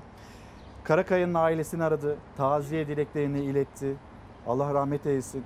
Bir doktorumuz, sağlık çalışanlarımız katledildi ve yine bir avukatımız katledildi. En güçlü adımları atacağız mesajını verdi. E, siyasette eleştiriler var. Bir izleyelim efendim. Olur. Siyasetçinin Benim öğrendiğim kadarıyla benim bir yakınımın e, sınıf arkadaşıymış. Bu katledilen doktor çok zor şartlarda okumuş bir genç kardeşimizmiş. Döndüğümüzde lütfen Evet, onu da tamam, anlatın. peki. Sizdeki bilgiyi de e, almak istiyorum. Şimdi siyaset bu yaşanan vahim olayı, katliamı nasıl karşıladı ve ne yapılmasını istiyor? Burada bir samimiyet testi var aslında. Yani sözler, kınama mesajları ama daha ilerisine gidilmesi gerekiyor. Siyasetin üzerine düşen görevi Erhan Usta ile konuşacağız. Doktorlara karşı yapılan akıl almaz saldırıları lanetliyorum. Erdoğan, gör yarattığın iklimi. Utan utan, beceriksiz bakanını da al, derhal gidin. Bizim yüreğimiz yanıyor Kemal Bey. Biraz da olsa üzgün görünemez miydiniz? Hadsizliğin bu kadar. Sen önce bir kusurunla, ayıbınla, günahınla bir otur be adam. Konya Şehir Hastanesi'nde bir doktorun öldürülmesi sonrası CHP liderinin Cumhurbaşkanı ve Sağlık Bakanı'na hedef alan açıklamaları Kılıçdaroğlu ile Fahrettin Koca'yı karşı karşıya getirdi. Şiddeti uygulayanlara sus pus olup hakkını isteyen sağlık personeline giderlerse gitsinler demenizin bedelidir bu yaşananlar. Onlar kalacak, siz gideceksiniz. Bu şiddet de ya bitecek ya bitecek. Bir hekimin katledilmesi karşısında zerre kadar üzüntü içermeyen şu sözleri milletimizin vicdanına havale ediyorum. Sarayın talimatına direnemeyip teslim olan adam Kemal Bey'in üzüntüsünün yüzde birini hissetsen ya direnir ya istifa edersin. Şiddetle mücadele kanununu çıkarmak üzere Yüce Meclisimizi olağanüstü toplantıya davet ediyorum. Üzgün görünmek yerine eğer gerçekten üzgünseniz gelin bu meseleyi derhal halledelim. Bakırtaş Karakaya Şiddeti Önleme Kanunu'nu çıkartalım. Hemen. Yapılabilecek başka bir şey varsa parlamentodaki arkadaşlarımız da dahil bu olayları, vakaları sonlandıracak adımları atmak için e, kararlılık içerisindeyiz. CHP lideri sağlıkta şiddeti önlemek adına meclisi olağanüstü toplantıya çağırırken meclis başkanı da üzerimize düşeni yapmaya hazırız dedi. Cumhurbaşkanı Erdoğan öldürülen doktor Ekrem Karakaya'nın ailesini arayarak taziyelerini iletti. Muhalefet liderleri sağlıkta şiddete ses yükseltirken iktidarı eleştirdi. İnsanı yaşat ki devlet yaşasın öğüdüyle inşa edilen devlet geleneğimiz bugün ne hastanedeki doktorumuzu ne ofisindeki avukatımızı ne de bir kadını koruyamayan beceriksiz bir anlayışa mahkum durumda. Böyle devlet yönetilmez. Sağlıkta şiddetten sağlıkta vahşete, hastane personelinin can güvenliğini sağlayamayan, şiddete karşı önlem ve sorumluluk alamayan her makam bu katliamdan sorumludur. Sayın Cumhurbaşkanı giderlerse gitsinler demişti. Ve bizim doktorlarımız da gittiler. Kimisi yurt dışına gitti, kimisi de bir kurşunla mezara gitti. Artık ne diyeceğimi bilemiyorum. Çok çok üzgünüm. Canımızı emanet ettiğimiz doktorlarımızın can güvenliği yok. İktidara sesleniyorum. Şiddeti durdurun. Türk Tabipleri Birliği'nden grubumuza yazı geldi, resmi yazı. Şöyle bir öneride bulunuyor. Sağlık hizmet sunumunun yapıldığı her yere silah girme yasağı olsun diyor. Her önerilerini usulden reddettiğiniz Türk Tabipleri Birliği'nin önerisi olsaydı Ekrem Karakaya kardeşimizi katleden kişi o hastaneye o silahla giremeyecek. Muhalefet sağlıkta şiddetten iktidarı sorumlu tutuyor. Dün bir izleyicimiz vardı Mahmut Bey. Yine bir mesaj göndermiş. Paylaşayım mı, paylaşmayayım mı gerçekten kararsız kaldım. Ama insanlarda biraz vicdan olması lazım. İnsanlarda bir vicdan muhasebesi ve zeka, akıl bununla ilgili de bir muhasebenin olması gerekiyor. Paylaşayım. Siz de bilin. Kendime de saklamayayım. Bir doktor öldürüldü diye diğerleri iş bırakma eylemi yapıyor. O halde askerler sınırlarımı terk etsin. Polisler karakolumu terk etsin. Öğretmenler eğitimimi kessin. Belediyeler hizmetimi kessin. Esnaflar dükkanlarımı kapatsın. Öyle bir dünya var mı? O zaman ülkenin hali ne olacak? Peki o zaman herkes öldüğü yerde, öldürüldüğü, katledildiği yerde kalsın. İnsanlar daha iyi bir hayatı, daha iyi şartları hiç söylemesin. Olduğu gibi bırakalım. Ve diyelim ki e, kader böyleymiş. Böyle olsun bitsin. Sizin zihninizde, vicdanınızda ki bilmiyorum var mı? Var mı?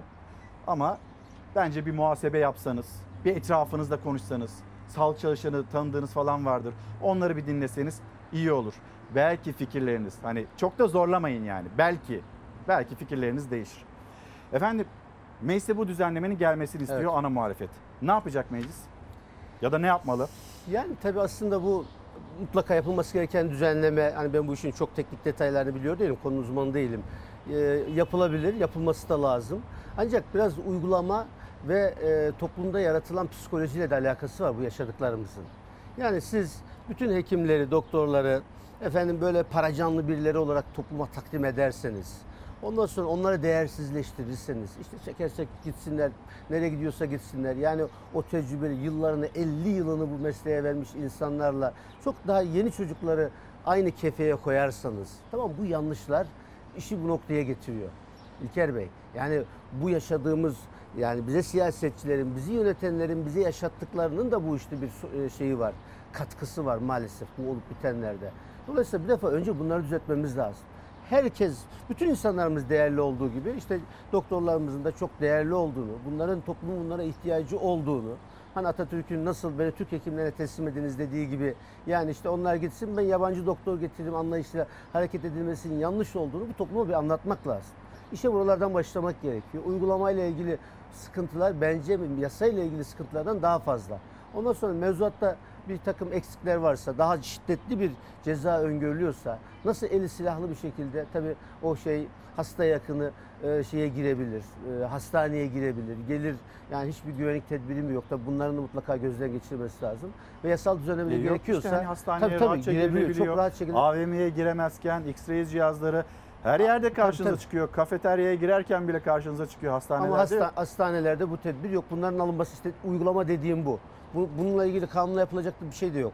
Ha kanunda da boşluk, yetersizlik varsa ki öyle olduğu da anlaşılıyor. Daha ağır cezalarında verilmesi lazım. Biz de zaten Sayın Genel Başkanımız yani birçok grup toplantısında bu e, şeyle e, doktorların durumları ile ilgili hem işte yaşadıkları sıkıntılar hem de sağlıkta şiddetle ilgili çok gündeme getirdi. Biz defalarca grup önerisi verdik.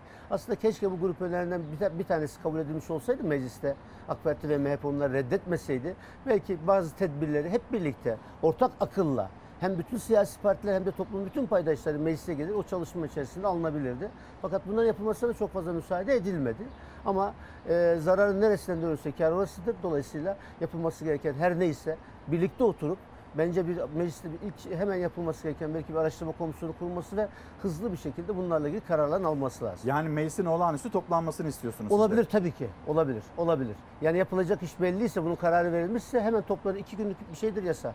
İki günde çıkartırız. Hemen komisyondan ve genel kuruldan. Ortak akılla Tabii, tabii, bunu ortak çözmek, akılla. çözümlemek, Çözmek en azından lazım. mevzuatı daha da ileriye taşımak bu mümkün. Evet, mümkün, mümkün. Efendim siyaset mi diyelim, ekonomi mi diyelim? İsterseniz Nasıl siyaseti, isterseniz. isterseniz siyaseti bir konuşalım ve orayı da tamamlamış olalım. Cumhurbaşkanı Erdoğan'ın e, bir açıklaması vardı. Eski dönem belediye başkanlarıyla yan yana geldi ve onlara da bir çağrısı var. Artık kaybedecek çok şeyimiz var dedi. Mecburuz. Daha açık bir ifadeyle artık kaybedeceğimiz çok şey var. Burada alt metinde aslında Cumhurbaşkanı teşkilatına ve eski dönem belediye başkanlarına ne mesajı verdi? Onu size soracağım ama bir paylaşalım haberimizi sonra devam edelim. Türkiye 2023 Haziran'ında yapılacak yakın tarihinin en önemli seçimlerinden birine hazırlanıyor. Sizlerden, hanenizden başlayarak doğrudan şahsımın temsilcisi olarak kazanmadık gönül bırakmamanızı istiyorum. Hanenizde şahsımın temsilcisi olun. Eski belediye başkanlarının ailelerinden dahi oy alamadığını söylüyor. Sen anandan, babandan, kardeşinden, eşinden, çocuğundan benim için oy iste diyor. Cumhurbaşkanı Erdoğan'ın eski AK Partili belediye başkanlarına 2023 çağrısı ve muhalefetin yorumu. Sandığın kurulacağı tarih ortada yok ama tartışmanın dozu her geçen gün artıyor.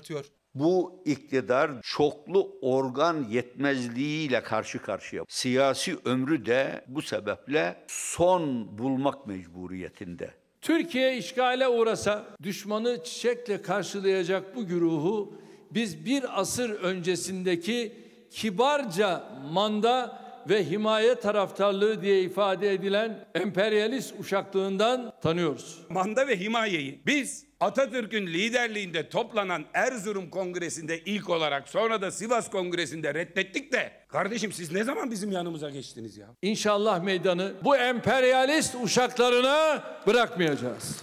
Siz damat Ferit hükümetisiniz kardeş. Biz Anadolu ve Rumeli Müdafaa Hukuk Cemiyetleriyiz. Biz buradayız. Millet kimi göndereceğini biliyor. 2023'te herhangi bir kazaya meydan verilmemesini temin edeceğiz.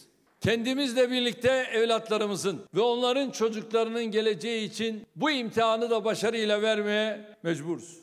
Daha açık bir ifadeyle artık kaybedecek çok şeyimiz var. Cumhurbaşkanı Erdoğan 2023 seçimlerinin önemini kaybedecek çok şeyimiz var cümlesiyle anlattı. Muhalefet ise iktidar değişiminden emin. Cumhurbaşkanına buradan bir defa daha seslenmeyi görev addediyorum. Ülkemizi daha fazla yormadan lütfen erken seçim kararı alın. Hiç şüphesiz insanların siyasi tercihlerinde ekonomi önemli bir belirleyicidir. Ama asla tek belirleyici değildir. Karşımızdaki güruhun ülkemizin ve her bir insanımızın geleceğine nasıl bir zarar verebileceğini arkadaşlar hep beraber biz anlatacağız. Muhalefete muhalefet ederek iktidarda kalacağını sanan bir tükenmişler ordusuyla ve başlarındaki komutanlarıyla muhatabız. Erken seçim değil, derhal seçim istemenin dışında bir seçenek yoktur.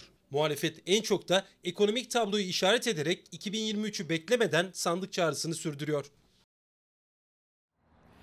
Meydanı emperyalist uşaklarına bırakmayacağız.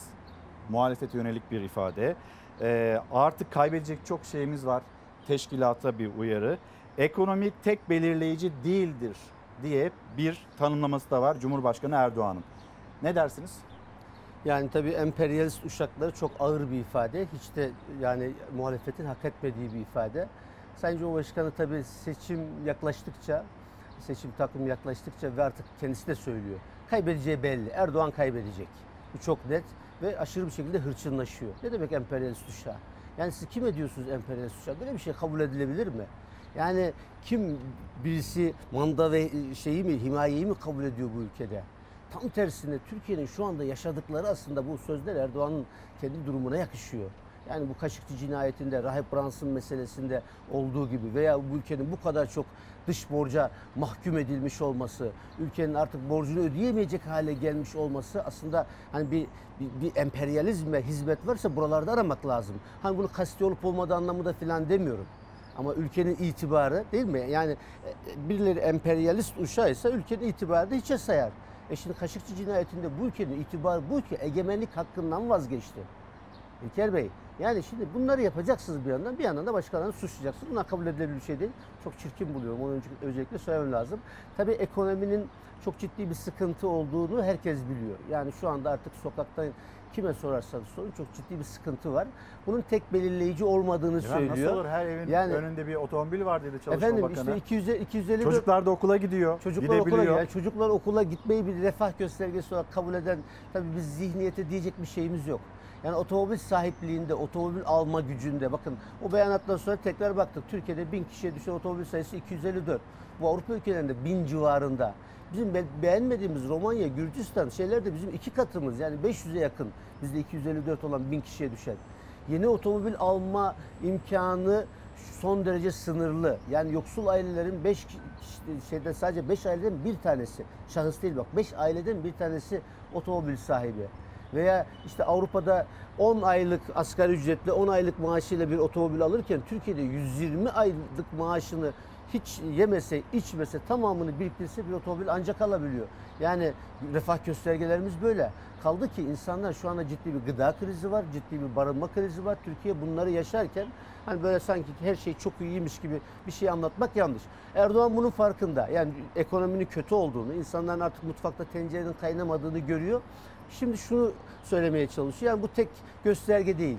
Yani diğer göstergeler hangisinde iyiyiz? Yani ekonomide kötüyüz de. Hiç mi iyi iyi olan bir tane yok bir, efendim? bir tane hani sağlıkta mı iyiyiz? Eğitim sistemimiz mi iyi? Yani Türkiye 20 yıllık AK Parti hükümetleri döneminde PISA sonuçlarında uluslararası bir biliyorsunuz mukayese bir adım ileriye mi atabilmiş? Yani sağlık sisteminin geldiği durum, bakın AK Parti'nin günahını şeyini almayalım, hakkını teslim edelim. Sağlıkta çok iyi işler yapıldı ama bugün geldiğimiz noktada 2002 öncesine döndü. Şimdi yine kuyruklar var, yine ciddi maliyetlerle insanlar Randevu krizleri karşılaşıyor. var. Randevu krizleri var. Tabii ki zaten eskiden İlaç olan bulmakta zorlanılıyor. İlaç bulmakta zorlanıyoruz. Yani yeni nesil ilaçların zaten hiçbirisi şu anda Türkiye'ye girmiyor. O çok etkili kanser ilaçlar. Yani insanlarımız kanserden ölüyor. Bunların ilaçları var fakat tabii Türkiye'nin yaşadığı finansal zorluklar, bütçe, bütçe imkansızlıklar nedeniyle yeni ilaçların Türkiye'ye gelmesi konusunda bir gayret göstermiyor. Onlar ödeme listesinde almadığı için hükümet onlar girmiyor. Yani dış politikada mı iyiyiz? Türkiye'nin hangi nerede bir itibarı kalmış? Yani düşün veya ne bileyim ben işte AK Parti hükümetleri geldiğinde ki dünya ekonomideki dünya sıralamamızda bugün çok daha geri duruma gelmiş. Üç basamak daha kötüleşmiş geldiği güne göre. Yani ekonomi tek belirleyici Değil derken, derken sanki e, diğer e, faktörlere baktığınızda orada da iyi bir şey söylüyor. görmüyor musunuz? Diğerlerinde görmüyoruz. Diğerler bütün göster hangi göstergeyi söylerseniz söyleyin Türkiye çok daha kötü. Terör göstergesi dahil. 2002'de AK Parti geldiğinde Türkiye'de bir tane şehit vardı. Bak bugün her gün birkaç tane şehit geliyor bu ülkede. Hangi göstergeye bakarsanız bakın çok daha o günden kötü. Fakat bunların bir kısmı manipüle edilebiliyor. İşte çok daha iyiyiz, çok kuvvetliyiz falan diyorsunuz. Bu normal vatandaş sizin o propagandanızın esiri olabilir. Ama ekonomide diyemiyorsunuz. Çünkü adam yaşıyor onu o insan. O mutfaktaki kadın yaşıyor o sıkıntıyı. Ona şimdi ekonomi iyi nasıl diyebilirsiniz? O yüzden diyor ki onu teslim ediyor oradaki kötülüğü ama diğerlerinde sanki iyiymiş algısı yaratıyor. Aslında her konunun uzmanı her alanda da AK Parti'nin maalesef üzülerek söylüyorum 20 yıl sonra geldiği günden çok daha kötü duruma Türkiye'yi getirdiğini görüyor. Tez hala geçerli mi? Tencere iktidar değiştirir tezi. Bence geçerli. Geçerli insanın şurasına geldi İlker Bey. Yani pazarlara falan bir bakın, fiyatlara bir bakın. Yani ben dün şimdi bazıları yanlış anlamış tabii ya milletvekili maaşıyla bir simit almaktan mı zorlanıyorsunuz? Ben toplumun sıkıntısını yaşatmaya çalışıyorum. Ben dün bir simit aldım. 4 tane simit 22 lira verdim. İnanın çok para. 5,5 lira olmuş bir simit. Yani kafede oturmak falan değil. Alıp fırından evime götürdüm. çay şimdi- simit hesabı yaptığınızda Çay, çay simit hesabı artık o işler bitti yani çay simit hesabı falan. 5,5 liraya bir simit insanlar alacak. Yani bir simitler karın falan doymuyor. Yani anlatabiliyor muyum? Hakikaten çok ciddi zorluklar var. Çok ciddi sıkıntılar var. Ve bu simit fiyatları falan da bunlar sübvanse edilmiş un fiyatlarıyla ki oluşan fiyatlar. Yani ciddi bir şekilde Türk e, TMO'ya şu anda devlet destek veriyor. Yani çok ciddi fiyatlardan ithal buğday getiriliyor ve bu daha düşük e, fiyattan şeyde fırınlara sadece fırınlara vatandaşa değil fırınlara e, indirimli bir şekilde satılıyor. Or- oradan oluşan fiyat bu. Yani bir de normal piyasa koşullarında oluşmuş olsa çok daha fazla olacak. Şunu söylemek, yani pazara gidiyorsunuz, pazarda aynı sıkıntı var. İnsanların elinde poşetleri boş. Yani çantaları boş. Böyle sadece en basit, daha yerel, taşıma maliyeti olmayan şeylere, sebze türlerine falan insanların gittiğini görüyorsunuz. Dolayısıyla bir e, çay simit hesabı yaptığınızda Sayın Bakan'ın Vedat Bilgin'in e, açlık sınırı 3600-4000 lira arasındadır dediği bir hani söz onu da hatırlatacak olursak 4 kişilik bir ailenin çay simit hesabını yaptığınızda bugün e zaten o açlık sınırını geçmiyor mu? E, geçiyor işte. Veya Sayın Bakan bakın Türk İş'in şu anda artık bir marka olmuştur. Herkes Türk İş'in. Türk İş'in iktidara yakınlığını da biliyoruz. Yani bu pazarlıklarda çok da öyle efendim e, iktidara karşı bir tutumu falan da yok. Yani 6391 lira haz- şey Haziran ayı açlık sınırı. Bu herkesin kabul ettiği bir şey. Bunun üzerine başka bir açlık sınırı kavramını falan geliştirmenin bir şey yok. Sayın Bakan'ın yaptığı oysa ancak işte çay simiti açlık sınırı olarak kabul ederse. Yani bizim insanımız bir çay ve simitten daha fazlasını yemeyi hak etmiyor. Anlayışla hareket ederseniz bu 6391 lirayı daha aşağı çekebilirsiniz. Ama bu da doğru bir şey değil. Yani normal bir gıda E o ihtiyacıdır. zaman zaten sağlıklı ve dengeli beslenmiş Bes olmuyorsunuz. olmaz tabii. Yani zaten yani o zaman hem fiziksel olarak hadi şi- şimdiki yaşayanlara bak çocuklarımızın zeka gelişimi hem fiziksel gelişimleri hem de beyin gelişimleri, zeka gelişimleri çok olumsuz olacak demektir. Millete bunu reva görmenin anlamı yok. Yani çay simit hesabını ben yakışıksız buluyorum. Bunu Erdoğan yaptı biliyorsunuz ilk kez. Yani işte iktidara gelirken yap- yapılan bir şey. Ne demek çay simit? Ya bu insana çay simitle mi yaşayacak? Yani bir insan şeyler sadece hamur yiyerek falan bir insanın yaşaması diye bir şey söz konusu olabilir mi? Dolayısıyla milletimize daha iyisini e, şey yapmamız lazım. Yani daha iyisini bu millete yakıştırmamız lazım. Daha iyisini vaat etmemiz lazım. Ama maalesef tabii 5500 lira biliyorsunuz işte şu anda yeni tespit edilen artırılmış asgari ücret Açlık sınırı Haziran'da 6391. Ee, asgari ücret Temmuz'da başlayacak. Temmuz'a getirmek lazım. En son enflasyon kadar %5 daha koysanız 6700 lira gibi bir şey olacak Temmuz ayı açlık Orada bir hesap hatası var mı? Ona da bir bakalım. Hani memurlar için, memur emekliler için bir hesap hatası e, olduğu da söyleniyor. Hatta Özgür Özel'in de bir hesapla ilgili açıklamaları vardı. Yani %41, %42 seviyesinde değil. Aslında e, %47 alınması gerektiğini hatırlatıyor. Onu konuşalım Evet. efendim ama şu e, başlık da aradan hani kaçmasın. Evet.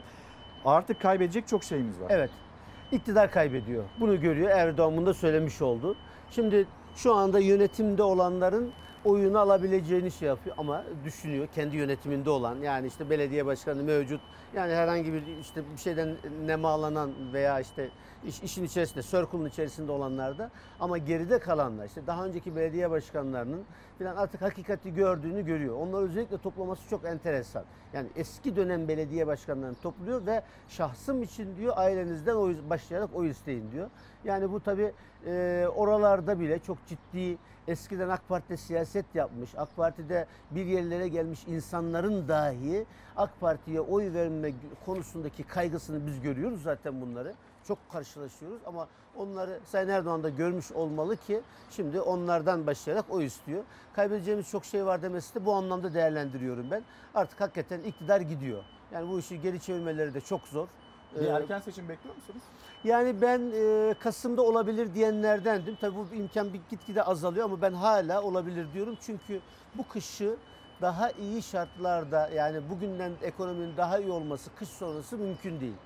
Gitmezse şunun için Enflasyon gitmeyecek. düşecek denildi. Hayır efendim. Şimdi o bak yine atıldı. Ocak şey Şubat Mart denildi yine. Yani ara, baz Aralık deniyordu. baz etkisi hesabı da Efendim yapılıyor. baz etkisine güvenilerek şey düşecek diye bir şey söylenemez. Bakın ben onu ilk söylediklerinde ta bu yılın başındaydı. Yani bir yıl e, sonrası için konuşuyordu. Baz etkisi nedeni düşecek. Ya hiç enflasyon yaşamazsanız ondan sonra baz etkisi nedeniyle yani onluk enflasyon çıkınca enflasyonu düşer. O vakte kadar yaşayacağınız enflasyon olacak ki onları gördük işte. En sona yine 5 geldi enflasyon.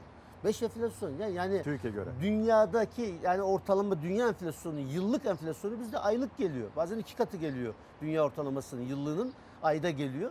Tamam 5 enflasyon geliyor. Bu az bir şey değil ki. Bunlar geldiği sürece baz etkisi çalışmaz.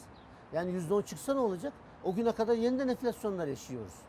Hani durdurursunuz fiyat artışını, stabil hale getirirsiniz, fiyat artık artmaz. Hesabi olarak da o bazdan Aralık ayı çıktığı zaman da enflasyonda radikal bir düşüşü görebilirsiniz yıllık bazdaki enflasyonda. Ama sizin her ay enflasyon üzerine koyarak gidiyorsa bazdan 10 çıkacak ama işte bu ay 5'i geldi. Dolayısıyla o baz etkisinin çok çalışacağını düşünüyorum. Bir iktidarın da baz etkisine güvenerek enflasyon düşecek demesi de çok ayıptır. Dünyada da karşılaşmış, karşılaşılmış bir şey değildir. Ben bir politika uyguluyorum, ben bir program uyguluyorum. Ben bu program sayesinde enflasyonu düşüreceğim diye topluma sunması lazım. Yoksa aritmatik olarak bir rakam girecek, öbür rakam çık düşecek. Ondan sonra efendim bundan dolayı enflasyon düşecek demek kadar da yani bence topluma karşı da bir saygısızlıktır. Bunu hem e, Bakan Nebati hem de Sayın Erdoğan çok fazla yapıyor artık.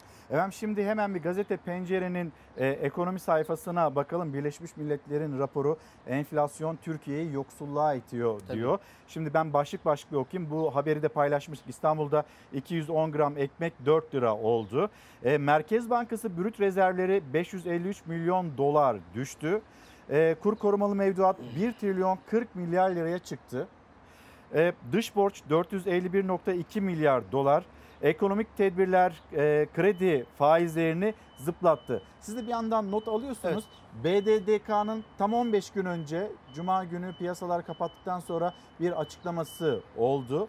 Ve bu sermaye kontrolü olarak da yorumlandı. Evet. Hani sizin tarafınızdan da öyle piyasa uzmanları tarafından da. Şimdi bir esnetme var. O esnetme neyi içeriyor? Aktaralım. Sonrasında da Sayın Erhan Usta ile konuşalım. Sadece dolardaki artışı geciktirmek ve bunun bedeli olarak nasıl kur korumalı mevduat hazinenin üzerine, hepimizin üzerine bir yüktü. Bunun da bedelini şirketlerin üzerine yıkmak gibi bir strateji belirledi e, BDDK ve hükümet ekonomi yönetimi. Piyasa ve ekonomi uzmanlarıyla muhalefet tarafından çelişkili bulunan ve bu bir sermaye kontrolüdür eleştirileri alan Bankacılık Düzenleme ve Denetleme Kurumu'nun şirketlere kredi kullanım sınırlandırması esnetildi. Diyor ki döviz dalgalı Ben yurt dışından mal aldım, bunu yurt içine sattım. Yurt içinden Türk lirası cinsinden bunun ödemesini aldım. Yarın bir gün ben bunu dolar üzerinden ödeyeceğim. Çiftçisine kadar herkes ithal girdiğiyle iş yaptığı için o ithal malı getiren herkes bu riski kendince koruma altına alıyordu. 15 gün önce yine bir cuma günüydü. Bankacılık Düzenleme ve Denetleme Kurumu piyasalar kapandıktan sonra şirketlere kredi kullanabilmesi için döviz varlığı sınırlaması getirdi. 900 bin doların üzerinde olan döviz mevduatlarını bozdurmamaları halinde Türk lirası kredi kullanımına izin verilmeyeceği açıklandı ve döviz kurunda sert düşüşler yaşandı. O gün dolar 17 lira 35 kuruştan 16 lira 50 kuruşa, euro 18 lira 30 kuruştan 17 lira 40 kuruş seviyesine kadar geriledi. O günü kurtarabilir, bugünü kurtarabilir ama yarın yine yukarı doğru gittiğimizde hem bu şirketler çok daha pahalıdan döviz almak zorunda kalacaklar ve içeriye sattıkları maldan ciddi zararlar yazacaklar.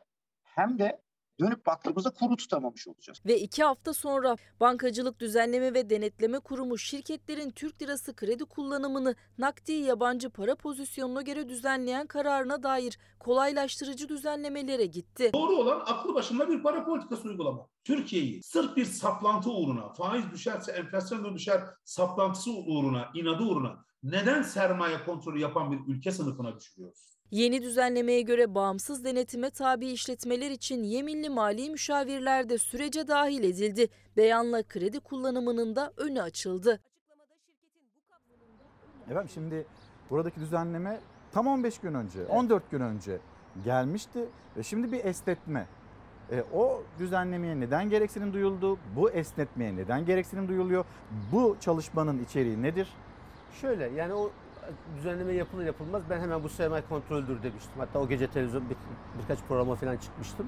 Ee, yani hükümet tabii işin bakın İlker Bey problem şurada. Yani Türkiye ekonomisini bu hale getiren temel sebepler var. Temel politikalar var. Oraları değiştirmiyor. Hep sonuçlarıyla uğraşıyor. Ne oluyor işte kur artıyor. O zaman kuru düşürecek şunu yapayım. İşte kur korumalı mevduatı çıkarıp hazineyi ciddi bir yükümlülük altına sokması gibi. Veya işte şirketlerin efendim elinde dövizleri var. Şirketlerin dövizlerini azaltayım veya şirketlerin döviz talebini sınırlandırayım. Ya bir şirket niye resmi bütçe şeyle bilançosuna kayıtlı bir şekilde döviz talep eder? Yani bunu düşünmekten aciz bir iktidar tarafından bu ülke yönetiliyor. Yani ithalatı var, Hemen bir ihracatı şey var. söyleyebilir miyim? Çok ilginç bir durum var. Arkadaşlarım da beni uyarıyor. Şimdi 15 gün önceki açıklama işte bakıyorsunuz bugün revize ediliyor. Dün akşam motorine indirim gelmişti. 2 lira 10 kuruş. Şimdi 81 kuruş zam geleceğiyle ilgili yine bir haber var. Motorine zam gelecek. Yani yetişemiyoruz. Sabah yani yarım saat önce verdiğimiz habere yetişemiyoruz. Evet, sizin işiniz daha zor. Yani bir haber hazırlıyorsun. Yani şimdi bakın, dolayısıyla işin sebepleriyle değil sonuçlarla uğraşıyor. Sonuçla uğraşınca böyle oluyor. Bu sermaye kontrolüdür demiştik bu çıktığında ve bunun kur üzerinde hemen kur 17 o 40'lardan 17 30'lardan 16 10'a kadar böyle bir anlık bir gevşeyince sığ piyasada filan kur düşecek zannedildi. Çok net bir şekilde şunu söyledim. Bir haftaya kalmaz kur eski seviyesine gelir. Bunlar çözüm değil. Hatta bunların bakın bozucu etkisi çok daha fazla. Tabi bunun bir başlangıçta bir etkisi oluyor. Ne oluyor? Şirketlerin bilançosunda %10'dan fazla döviz varsa o dövizleri kredi kullanabilmek için. Çünkü Türk lirası kredi kullanmak ne olursa olsun hala çok cazip. %80 enflasyon olan bir ortamda hele hele devlet bankalarından %15 alıyorsanız çok cazip. %30-40'la bile alıyorsanız eğer kullanabilecek bir yeriniz varsa cazip. Dolayısıyla firmalar bunu kaçırmak istemediği için ellerindeki dövizlerin %10 limitine doğru bir kısmını sattılar veya yeni döviz talep etmediler. Ama bu işlerini aksattı.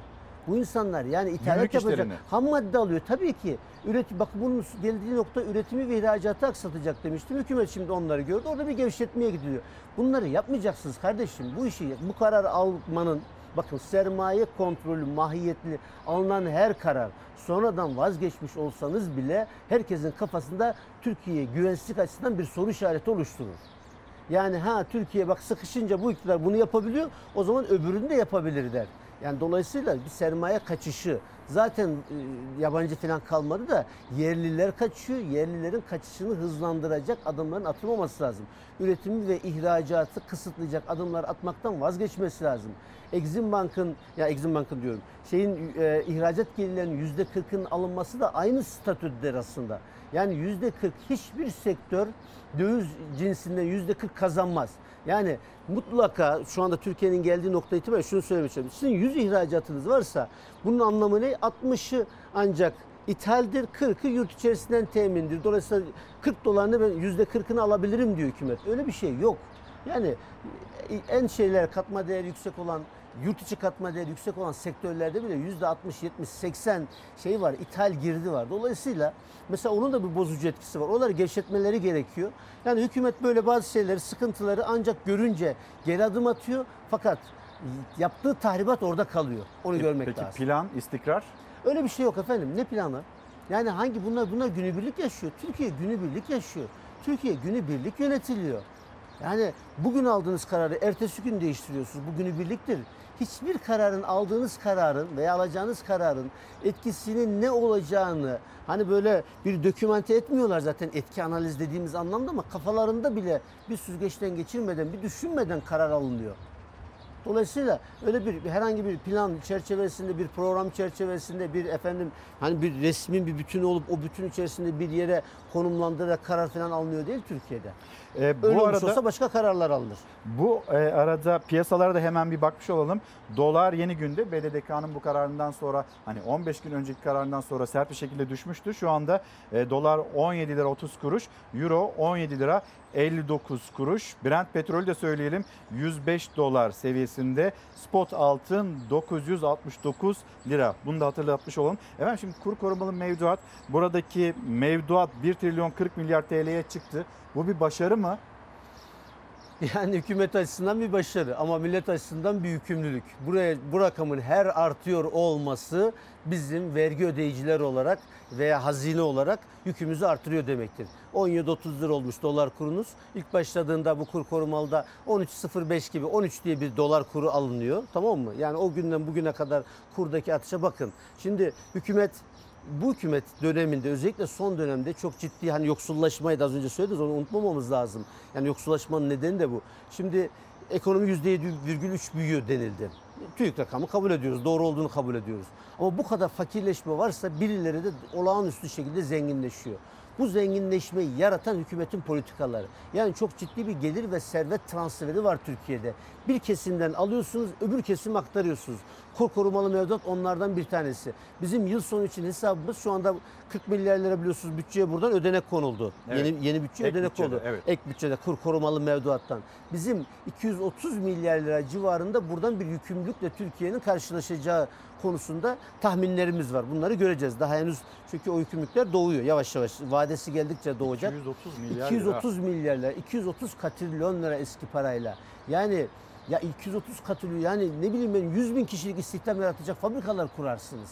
Yani bu kadar bu boşa verilmiş, heba edilmiş ve işte o yoksullaşmanın temelinde o var. Yani insanların simit bile almakta zorlanmasının, pazarda hiçbir şey elma, evime elma götüremiyorum diye feryat eden annenin feryadında bu var işte. Yani siz 230 milyar lirayı gereksiz ve yersiz bir şekilde toplumdan toplayıp bir kesime üst gelir grubuna verirseniz onlar işte yoksullaşma böyle bir şey. Enflasyon dediğimiz şey İlker Bey e, en haksız, en adaletsiz vergidir. Şimdi vergilerde de mesela bir artış. Çünkü şu içtiğimiz çaydan, tükettiğimiz ekmekten herkes de yani şey bir şekilde, eşit bir şekilde zenginle fakir ayrımı gözetmeksizin adaletsiz bir şekilde bir vergi toplanıyor. Ee, enflasyon ve biz hep ne diyoruz? Enflasyon dar ve sabit gelirliği ezer. Çünkü enflasyona karşı kendisini koruyamaz. Biz maaşımızı, ücretimizi kendimiz ayarlıyor falan değiliz. Şimdi geriye doğru maaş ve ücretlerin enflasyon kadar artırılıyor olmuş olması çalışanların enflasyona karşı korunduğu anlamına da gelmiyor. Çünkü şöyle kabul edin Ocak ayında bizim maaşlarımız 100 olarak tespit edildi değil mi? Bir asgari ücretli Evet. veya kimin maaşı olursa olsun maaşlı ücretli birisinin. Enflasyon işte bir sonraki ay enflasyonu da 100 kabul edelim. İkisi de 100 alalım eşit. Ama enflasyon bir ay sonra 105 oldu. iki ay sonra 110 oldu, 120 oldu. Bizim maaşımız hep 100 gitti. Bu aradaki fark bizim hep refah kaybımız. En sonunda diyelim ki ikisi de 150 oldu. %50 fark verdiniz. Ama arada yaşanılan o 6 ay boyunca yaşanılan refah kaybı ne olacak? Dolayısıyla enflasyon kadar maaş ve ücretlerin geriye doğru artırılıyor olması 6 ayda bir bu şeyi refah kaybını, yoksullaşma engellemiyor. Türkiye çok hızlı yoksullaşıyor. Türkiye çok hızlı fakirleşiyor ve bunun da kalıcı etkileri olacak. Hem çocuklarımız üzerinde hem de toplum üzerinde kalıcı etkiler olacak. Efendim şöyle yapalım mı? Şimdi reklamlara gidelim. Vaktiniz de var öyle zannediyorum. Refah nedir? Nasıl paylaştırılır? Evin önündeki otomobil bil her evin önündeki otomobil bir refah göstergesi midir varsa Evet. eğer sonra çocukların okula gitmesi işsizliği bir konuşalım Olur, istiyoruz. olur. Enflasyonu biraz daha açmanızı istiyoruz. Bu başlıkları reklamların ardından konuşmaya devam edelim. Reklamlar. Günaydın bir kez daha ve iyi bayramlar dileklerimizi iletelim. Kurban Bayramı'nın arifesinde Serpil Hanım günaydın. Serpil Hanım diyor ki gün bitmiyor ki Türkiye'min gündemi başka bir çözümsüzlüğe ve çaresizliğe uzanmasın. Her gün böyle bir güne uyanıyoruz diyor İyi Parti Grup Başkan Vekili Erhan Usta ile sohbetimize de devam ederken bir yandan da mesajlarınıza bakmaya çalışıyorum. Twitter'dan Nursel Hanım yazmış resmi bayramlar dışında bayramım yok maalesef. Sağlığın varsa her gün bayram İlker Bey diye. E, taşeron işçiler, taşeron işçilere kadro sözü verildi. Sözler tutulsun bizler sözün bittiği yerdeyiz diye mesajını aktarırken e, Aysel Hanım da maaşlar gelir gelmez bitiyor. Sabreden sadece vatandaş. 5-6 maaş alanlar hamdolsun huzur içindeler. Aysel Yavuz'un gönderdiği mesaj da bu şekilde. Şimdi devam edeceğiz. Ekonomi başlığıyla hemen bir enflasyon diyelim. Sonrasında refah nedir, enflasyon düşecek mi düşmeyecek mi tartışması. Belki insanlarımızın alım güçleri yüksek enflasyon sebebiyle bir miktar düştü. Ama kimseyi işsiz bırakmadık. Aç bırakmadık, açıkta bırakmadık. Sen bunu git de işsiz olanlara, iş arayıp da bulamayanlara söyle. Geçim sıkıntısı birazcık var. Onun birazcık ne demek, hangi manaya geldiğini sen geçinemeyen insana bir sor. Ne kadar asgari ücreti beş buçuk değil on buçuk da yapsa bu halkın gideri gelirini karşılamaz. Halk aç. Cumhurbaşkanı kimseyi işsiz, aç, açıkta bırakmadık derken esnaftan, vatandaştan halk aç sesi yükseldi. Muhalefet de Erdoğan'ın açıklamasına tepkili. 5500 lira olarak asgari ücret belirlen. Açlık sınırı Türk İş'in açıkladığı 6391 lira. Siz kimseyi aç açıkta bırakmadık nasıl diyebilirsiniz? Ben geçen bayram bu şekeri 55'e sattım 60'a alıyorum. Bayram geldi iki gün var daha bir kilo şeker alan yok. Yine de para yok. Şu an kuyruk olması gerekiyor. Ama dükkan bomboş. Nasıl işler abla? İşler sıkıntılı. Ayranı iki gün önce aldım. Ee, 9,5 lira. 1 litreliği e, dün geldi 13,5 lira. Kıyma, et de aynı şekilde. Aynı şekilde. Gelen zamları peki uygulayabiliyor mu müşterine fiyat Ee, müşterimi uygulayamıyorum çünkü müşterim yiyemez. Elbette sıkıntılarımız, sancılarımız, ödediğimiz bedeller mevcuttur.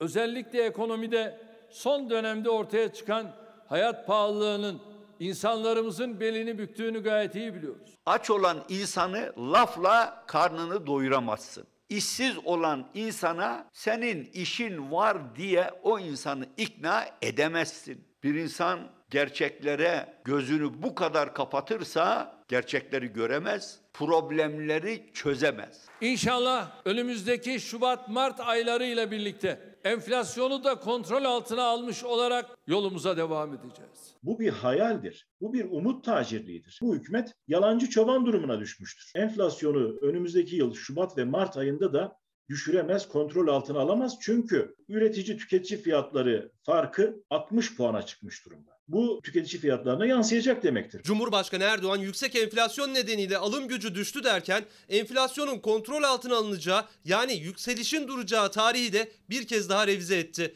Bu kez 2023 Şubat-Mart ayları dedi. Hazine Bakanı ise 1 Temmuz'da yaptığı açıklamada enflasyonu kontrol altına aldık demişti. Biz enflasyonu kontrol altına aldık. 1 Temmuz günü Bakan Nebati enflasyonu kontrol altına aldık dedi. 3 gün sonra Recep Tayyip Erdoğan gelecek sene Mart Nisan'ı işaret etmeye başladı. Yani artık bu ekonomiyi döndüremeyeceklerini, bu düzenin bir yerden sonra patladığını onlar da biliyor. Aralık ayında baz etkisiyle düşmeye başlayacak. Aralık ayında %14 civarında, Ocak ayında %11 civarında. Aylık enflasyonu bu seviyelerin önemli ölçüde altına düşürürsek yıllık enflasyon da aşağıya gelir. Yani kontrol etmekten kastettikleri Bu baz etkisine güveniyorlar. Siz zaten aylık artışları %6 seviyesine yükseltmişsiniz. Baz etkisinin burada size sağlayabileceği hiçbir avantaj yoktur. Bir önceki Aralık ayında %14'le rekor seviyelere çıkan aylık enflasyonun bu yıl Aralık'ta o seviyelerin altında kalacağı öngörüsü var. Muhalefete göre başarı değil. Yıllık enflasyon düşmediği takdirde baz etkisi denilen aylık değişimde enflasyonla mücadele için çözüm olmayacak. %100'e çıkmış bir enflasyonu %90'a indirmiş olmak yıllık bazda ne anlam ifade edecek? Baz etkisinden medet ummak ben hiçbir şey yapmıyorum, hiçbir şey yapmayacağım. Bu gidişat böyle devam edecek demektir. Efendim şimdi burada Sayın Destici'yi de Büyük Birlik Partisi lideri Destici'yi de ağırladık. TÜİK rakamlarına güveniyor musunuz? Siz hangi rakamlara bakıyorsunuz diye kendisine sordum. Ben TÜİK rakamlarına güveniyorum. Evet. En yakın açıklamalarını ciddiye almıyorum dedi ama kendisi bir yandan da böyle bir akaryakıt hesabı yaparken karşımıza bir %300'lük zam çıkmıştı. Siz hangi rakamları dikkate alıyorsunuz? Şu tabii yani resmi kullandığımız şeylerde TÜİK rakamlarını alıyoruz ama TÜİK'in artık enflasyon rakamı başta olmak üzere rakamlarına güvenmek mümkün değil. Yani piyasada şu anda yıllık enflasyon ne TÜİK'e göre yüzde 80, 79 küsür. Yüzde 80 yani fiyatı yüzde yüzün altında olan bir tane bir tane ürün gösterin. Yani her şeyin fiyatı yüzde yüzün daha üzerindeyse ortalaması nasıl yüzde 80 olur? Bu kabul edilebilir bir şey değil. En yakın rakamlarının ben doğru olduğunu düşünüyorum. Yani e, ya metodoloji farklılıkları falan o kadar teknik şeyler ama yaşadığımız şey o. Yani yaşadığımız şey bizim yüzde 80'in çok daha üzerinde bir enflasyon olduğunu gösteriyor. Bir. İkincisi 138 yaklaşık yüzde 140 üretici fiyatı diyorsunuz. Yine Üfe. TÜİK diyor. Yüzde 80 üfe diyorsunuz. 60 puan fark var. Bu hiçbir şekilde açıklanabilir de değil. 60 puan enflasyon farkı açıklanamaz İlker Bey. Yani hani maliyetlerim benim yüzde 140 artacak ama ben bunu fiyata yüzde 80 yansıtacağım. Yani bu kadar büyük kar marjı olabilir mi? Buradaki 3 puanı, 5 puanı, 10 puanı, 15 puanı hadi anlayabilirsiniz ama 60 puan anlaşılabilir bir şey değil. Bu bize iki şey gösteriyor. Bir, tüketici TÜİ'nin tüketici rakamlarının baskılanmış olduğunu gösterir. İkincisi önümüzdeki dönemde de bu mutlaka bu makasın kapanması nedeniyle enflasyonun önümüzdeki dönemde de artmaya devam edeceğini gösterir. Yani- Önümüzdeki dönem dediğiniz mesela Şubat Mart ayına eden- kadar mı artacak sonra düşecek mi? Hayır efendim şimdi bakın onu az önce bir miktar konuşmuştuk. Evet. Yani Şubat Mart'ta düşmesi meselesi yani Ocak'ta ve Şubat aylarında Aralık Ocak'ta çok yüksek enflasyonlar gelmiş. Aylık enflasyonlar %10'lar civarında. Bunlar hesabın dışına çıkınca enflasyon düşecek diye yani bazdan e, medet uman bir hali var e, iktidarın. Bu bir defa çok yanlış olduğunu. Hani bir program uygulaması lazım. Bir program çerçevesinde ben enflasyonu düşüreceğim demesi gereken iktidar işte matematiksel, aritmatikten artık bir- fayda bekler hale gelmiş. Bu defa işin acı yanı. Bir. ikincisi enflasyon o vakte kadar da her ay yüzde işte en sona yüzde beş enflasyon geldi. Bundan sonra da gelmeye başlayacak. Dolayısıyla o baz etkisi çalışmayacak. Yani o bazdan bekledikleri etkiyi de göremeyeceğimizi ben iddia ediyorum. Bakın bunu ilk başlangıçta başından itibaren bir, yaklaşık bir senedir bunu söylüyorum ben. Baz etkisi çalışmayacak diye. Şimdi bunu göreceğiz. Normal şartlarda bu aylarda baz etkisinin çalışmasını falan bekliyorlardı. Sayın Cumhurbaşkanı'nın da açıklaması var. Sıkıntılarımız var. Pahalılık vatandaşımızın belini büküyor. Ama kimseyi işsiz bırakmacı, bırakmadık açıklamaları açıkta var. bırakmadık diyor. Yani bir aç ve açıkta mı bırakacaktınız? Yani ya karnınız doyuyorsa durumunuz iyi, işte kafanızı sokacak bir yer bulursanız durumunuz iyi anlayışlı. Yani millete bu mu reva görülüyor? Bu birinci kısmı. Yani normal eleştirim bu olması lazım. Fakat bunu bile yapamıyoruz. Evet insanlar aç ve açıkta. Şimdi siz artırılmış haliyle bile asgari ücrete 5500 lira derseniz, en düşük emekli maaşına 3500 lira derseniz ve açlık sınırı, yoksulluk değil bakın açlık sınırı yani insanların gıda temin etmesi için ihtiyaç duyduğu para Haziran ayı itibariyle 6391, Temmuz ayı bu maaşlar Temmuz'dan geçer olduğuna göre kabaca 6700 lira civarındaysa yani açlık sınırının 1200 lira altında asgari ücret tespit ederseniz onun yarısı kadar efendim emekli maaşı, en düşük emekli maaşı tespit ederseniz insanlar aç bırakıyorsunuz demektir. Oradaki hesap da Açlı- garip değil mi? Yani pardon. Buyurun. Aç bıraktığınız insanı zaten barınması için de bir yer bir şey bir şey öngörmüyorsunuz demektir. Yani karnını bile doyuramayacak. Verdiğiniz para insanların karnını bile doyurmasına yetmeyecek paraysa aç ve açıktadır insanlar. Efendim oradaki hesap da biraz garip değil mi? Yani 2500 lira alıyordu. En düşük emekli maaşı buydu. E şimdi yapılan zam %42. E, zaten hani hali hazırda önce bir 3000 lira olarak belirlendi. Tekrar itirazlardan sonra 3500'e 3500, çıkartıldı evet, denildi. tabii, tabii. E zaten %42'lik zamla 3506 lira oluyordu. Şöyle aslında şimdi orada da şöyle bir durum var. Yani normal şartlarda tabii sosyal güvenlik sisteminde yani orada çok konuşulacak yan var. Yani normal şartlarda gitmiş olsa bu, bu parayı veremiyorsunuz. Ee, veya bunu asgari sınır olarak bir şey belirlememiş olsanız hükümet bu kararları şöyle alıyor. O, tekrar e, o, o rakama gelinceye kadar artış vermiyor. Yani mesela 2500 tespit edildiğinde öyle olmuştu. 2500 ama Ocak ve Temmuzlardaki artışlardan faydalanmadı insanlar 2500'e Evet. gelinceye kadar. Doğru. Şimdi normalde bırakmış olsanız belki insanlar 2 yıl sonra falan 3500'e gelecekti. Evet. Anlatabildim mi? Kendi çünkü hak ettiği normal şartlar sosyal güvenlik sistemine göre e, kendilerine atfedilen rakam çok daha düşük rakam olduğu için ancak onu alt sınırı yukarı doğru şey yapar. Bizim orada politikamız net. Sayın Akşener sürekli şunu söylüyor. Yani alt sınır asgari ücret kadar olmalıdır diye de e, bizim de öyle bir politikamız Sayın var. Çalışma Bakanı'ndan yeni bir açıklama var. Hemen ekranlara da yansıtalım. Vedat Bilgin çalışmalarımızı enfla çalışanlarımızı enflasyona ezdirmeme irademizin bir parçası olarak 6 ay sonra yaptığımız %41.7'lik ikinci memur maaş artışı ile birlikte zamlı maaşlar hesaplara yatıyor. Hayırlı uğurlu olsun. Şimdi bu bir enflasyon farkı mı zam mı? Birinci soru bu olsun efendim. Zam oranı %41.7 9707 lira.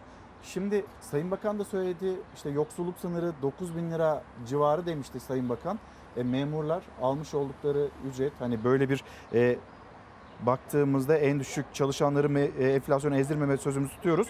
En düşük memur maaşı o zaman en düşük memur maaşını alanlar yoksulluk sınırının biraz üzerinde. Çalışma Bakanı'na Bakanlığı'nın göre. yoksulluk sınırı. Evet. Türk İş'in açıkladığı yoksulluk sınırı çok daha yüksek. 20 bin, iki- Tabii. 20.818 Evet, lira. yani, yani 20 bin küsur olduğunu biliyorum.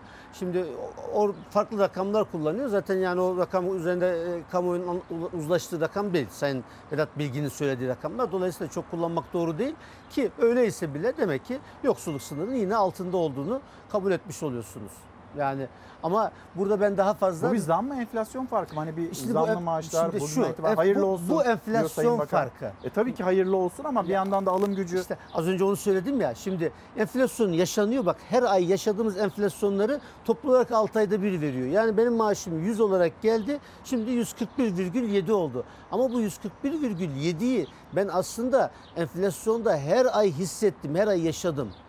Böyle yüksek enflasyon dönemlerinde geçmişte Türkiye'de 3 ayda bir yapılırdı maaş ve ücret ayarlamaları. Hatta biz bir ara çok hızlı enflasyonlar falan yaşadığımız zaman da aylık yapılması meselesini falan da toplum konuşmuştu. Ancak o zaman aylık yaparsanız bu artışları enflasyondan korudum diyebilirsiniz. Gecikmeli olarak 6 aylık enflasyon farkının verilmiş olması çalışana çalışanın enflasyondan korunduğu anlamına gelmez. Çünkü o arada yaşadığı enflasyon nedeniyle 6 ay içerisinde yaşadığı enflasyon nedeniyle refahında ciddi bir kayıp olmuş demektir. Efendim bir de işsizlik diyelim müsaadenizle ve işsizlik rakamlarına bakalım. TÜİK'in söylemiyle işsizlik İşkur'un önünde kayıtlara geçen işsizlik. Haziran 17'sinde falan çıkış yapmıştım. İşsizlik de zaten had safhada. Çevrenizde işsiz var mı? Abim de işsiz. 2020 yılının Nisan ayına göre Türkiye 5 milyon yeni istihdam sağladı. Neye göre rekordur? Çom ağızlara göre. Hiçbir yerde iş bulamıyorum. Ablam üniversite mezunu, hemşire. Hiçbir yerde alım yok. Şu anda annem, babam, ben bir de iki tane ablamla abim var. Birlikte evin içinde oturuyoruz, iş bekliyoruz. Şimdi iş kura geldim ki ne bir iş bulayım diye. Hemşire yardımcısıyım, liseden mezunum. Şimdiden iş aramaya başlayayım, üniversiteye kadar belki bir iş bulabilirim diye. Hazine ve Maliye Bakanı 2 yılda 5 milyon istihdam yarattık derken İşkur'un kapısındaki tablo. İşkur istatistikleri de işsiz sayısının arttığını söylüyor. Son bir yılda 617.410 kişi işinden oldu. Sadece son 5 ayda 689 bin kişi işsizlik ödeneğine başvurdu. Şu anda hala iş arıyorum. Ortalama nereden baksanız 9 ay falan oldu. Gelir olmayanların hali zaten çok kötü durumda. Benim çevremde tanıdığım kendi yakın arkadaşlarımdan 15-20 kişi. İşsiz. Evet. Öleceğiz, biteceğiz, öldük, bittik, yandık diyenlere aslında bir kapaktır bu. Benim oğlum yaklaşık olarak 200 yıldır işsiz. Peki geçimi nasıl sağlıyor? Annesiyle ben destek olmaya çalışıyorum. Gerçekleri görmüyorlar artık. Biz gidip başvuru yapıyoruz mesela. Biz sizi arayacağız diyorlar. Hiç kimse aramıyor. Hiç kimse umursamıyor bile. Şu anda sadece bana iş imkanı verilen şey kasiyerlik. O da olursa ona da almıyorlar. Üstün bilgi istiyorlar. İşkur Haziran ayı bültenine göre Ocak ayından bu yana ilk 6 ayda 740 bin kişiye istihdam sağladı sağlandı. Ama aynı bültende 689.757 kişinin de son 6 ayda işsizlik ödeneğine başvurduğunu açıkladı kurum. Yani bu sayı yeni işsizler ordusuna eklenenlerin sayısı. Kayıtlı işsiz sayısı bir önceki aya göre 0,9, bir önceki yıla göre %20,9 yükseldi. İki tane çocuğum var. Birisi okuyor. Birinci sınıfa gidiyor. Biri de iki yaşında. Zaten onların masrafı hat safhada yani. Hani ben evdeyim diye seviniyorlar tabii. Bilmiyor ki yani babasının neler çektiğini.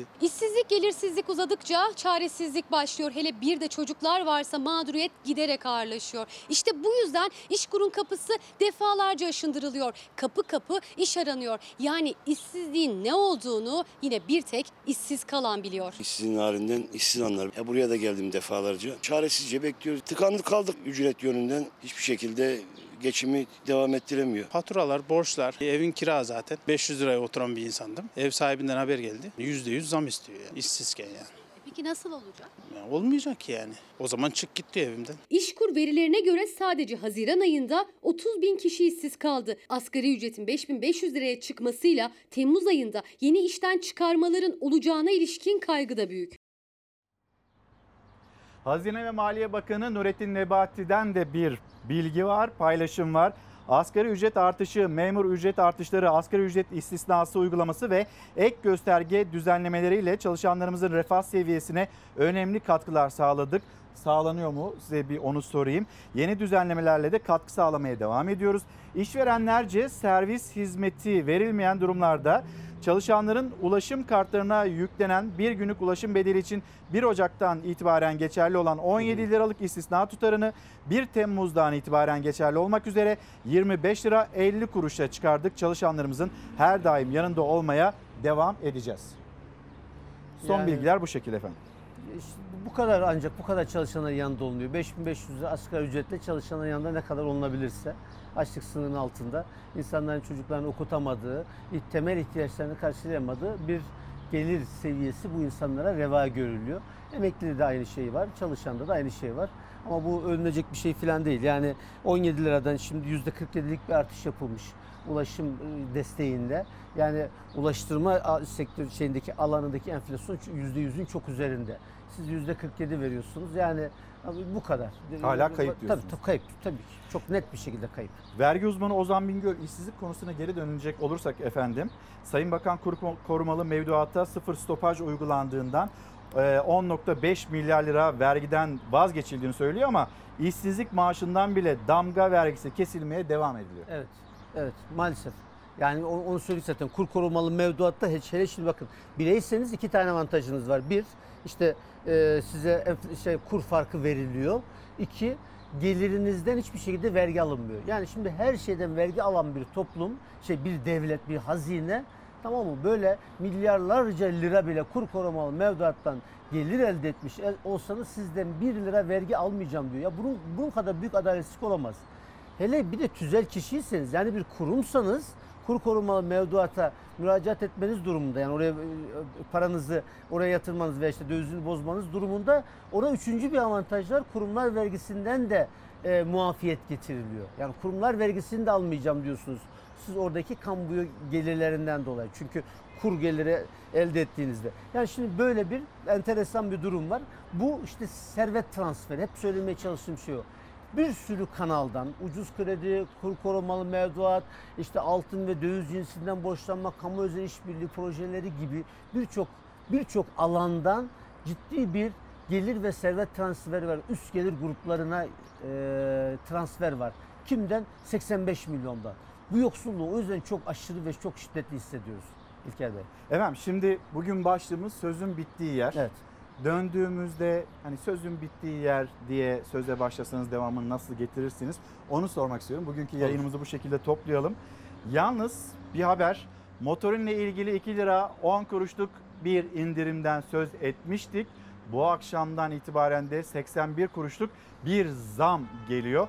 Haberimiz hazır. Aktaralım ve son söz için yine Sayın Usta'ya döneceğim.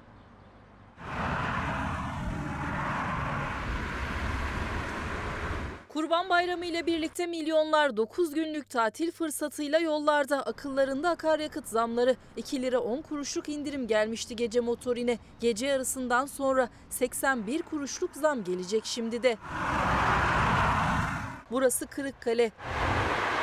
43 ilin kesiştiği adreste kilometrelerce uzunluğunda kuyruk. Kimi sevdikleriyle buluşmak için yola düştü, kimi içinse bu bir tatil fırsatı. Bunlar bir şekilde bütçelerini ayarlayıp yola çıkabilenler. Bir de akaryakıt hesabını yapıp evlerinde kalanlar var. 20 liraya alsaydık önümüz bayram insanlar e, memleketine gidebilirdi. 1 lira bile düşse insanlar mutlu oluyor. Bayram öncesi açıklama geldi gelmesine. Motorine 2 lira 10 kuruşluk indirim gece yarısından itibaren pompaya yansıtıldı ama Bundan 4 ila 5 lira daha aşağıda olması lazım. 25 liralarda olan akaryakıt fiyatlarının bütçeye getirdiği yükte vatandaşın cebine yansıyan bir hafifleme yok. Üstelik bu geceden itibaren 81 kuruş zam gelecek. Önce indirim sonra zam. Fiyatların değişimine yetişilemiyor. 100 liralık alacağım. Ona gücümüz yetiyor. İndirim sağlanmalı şu anda öyle düşünüyorum. İstanbul'da motorinin litre fiyatı 24 lira 59 kuruş oldu son indirimle. Bugün böyle yarın 25 lira 40 kuruş olacak.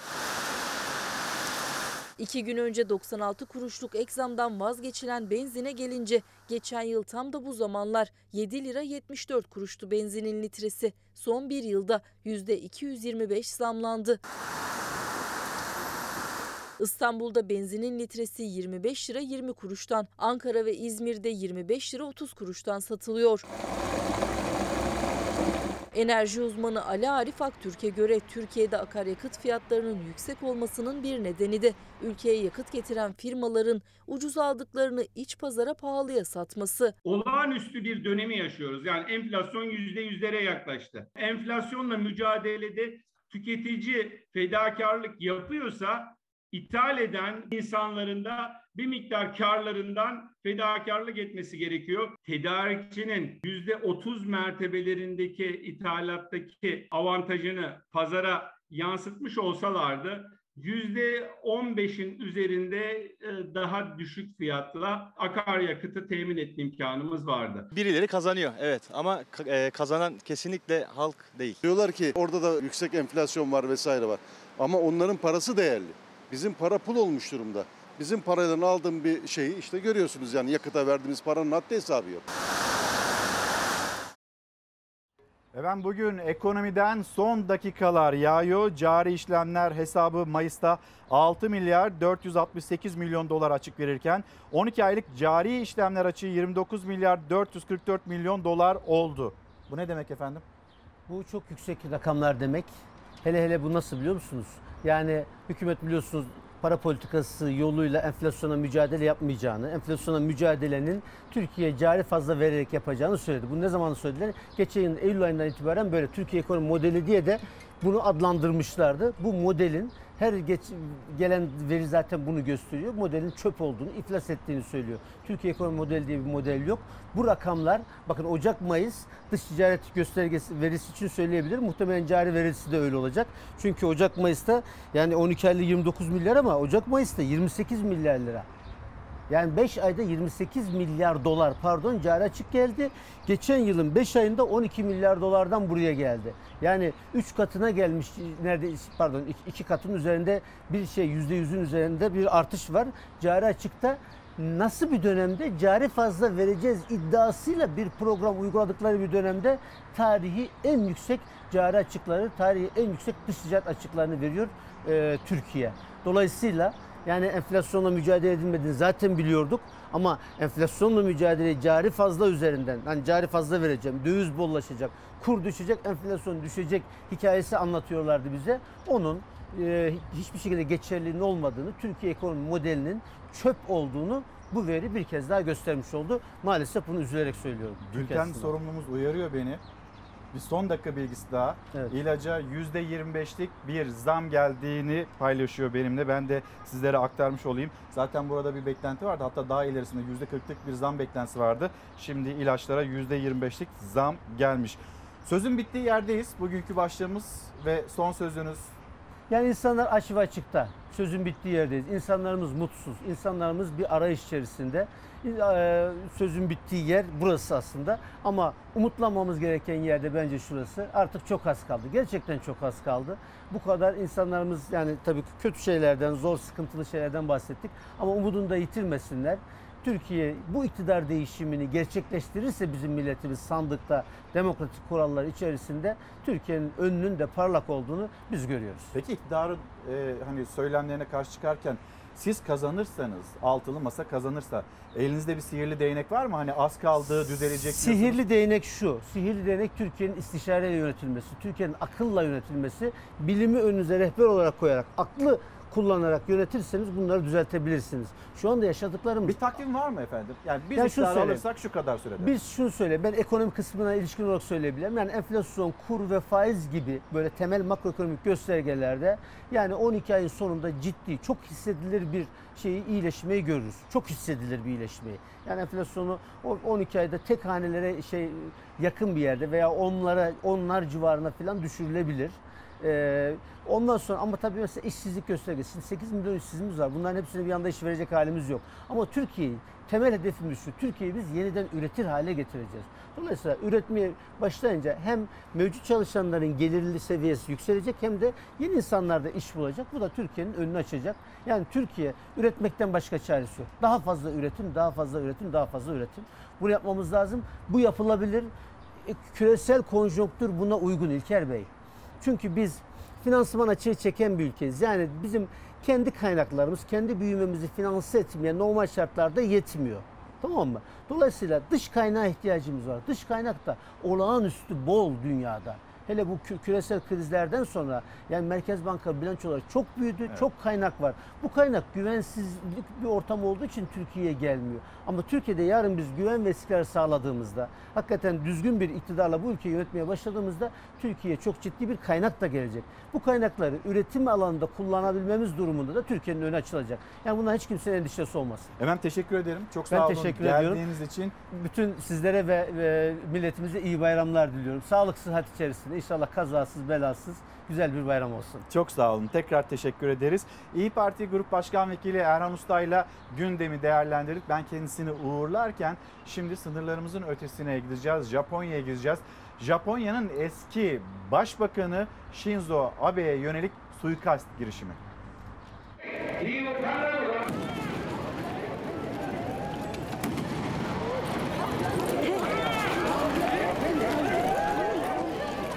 Japonya eski başbakanı Shinzo Abe'ye suikast girişiminde bulunuldu. Göğsünden vurulan eski başbakan hastaneye kaldırıldı. Eski Japonya Başbakanı Shinzo Abe Nara kentinde katıldığı bir mitingde konuşma yapıyordu. Eski başbakan ard arda duyulan iki el silah sesinin ardından yere yığıldı. Yerel kaynaklar eski başbakanın bilinci kapalı halde hastaneye kaldırıldığını, boynunda kanamasının olduğunu, kalbinin durduğunu açıkladı.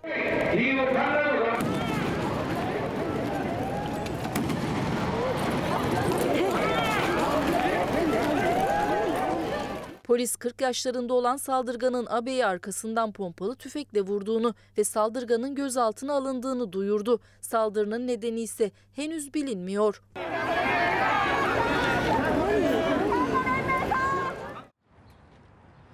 Şimdi de Amerika Birleşik Devletleri bir kovalamaca anı.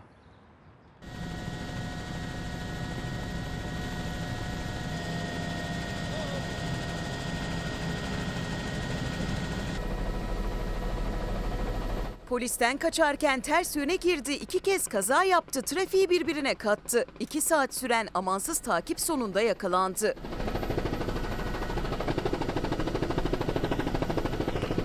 Amerika Birleşik Devletleri'nin Charlotte kentinin caddelerini karıştıran olay polise gelen hırsızlık ihbarıyla başladı. Polis çaldığı ciple kaçan şüphelinin peşine düştü. Zanlı kısa süre sonra cipi terk etti. Önce beyaz bir kamyonet ardından bir otomobil gasp etti.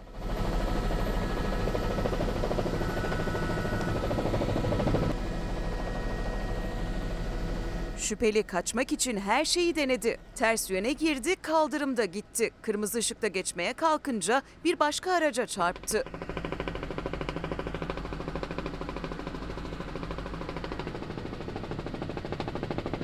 Yaptığı kazada firari adamı durdurmadı. Bir cip daha gasp etti. Ancak kaçış uzun sürmedi. Yine kırmızı ışıkta geçip kaza yaptı. Kovalama boyunca 4 araç gasp eden şüpheli bu kez kaçamadı. 2 saatin sonunda yaka paça gözaltına alındı.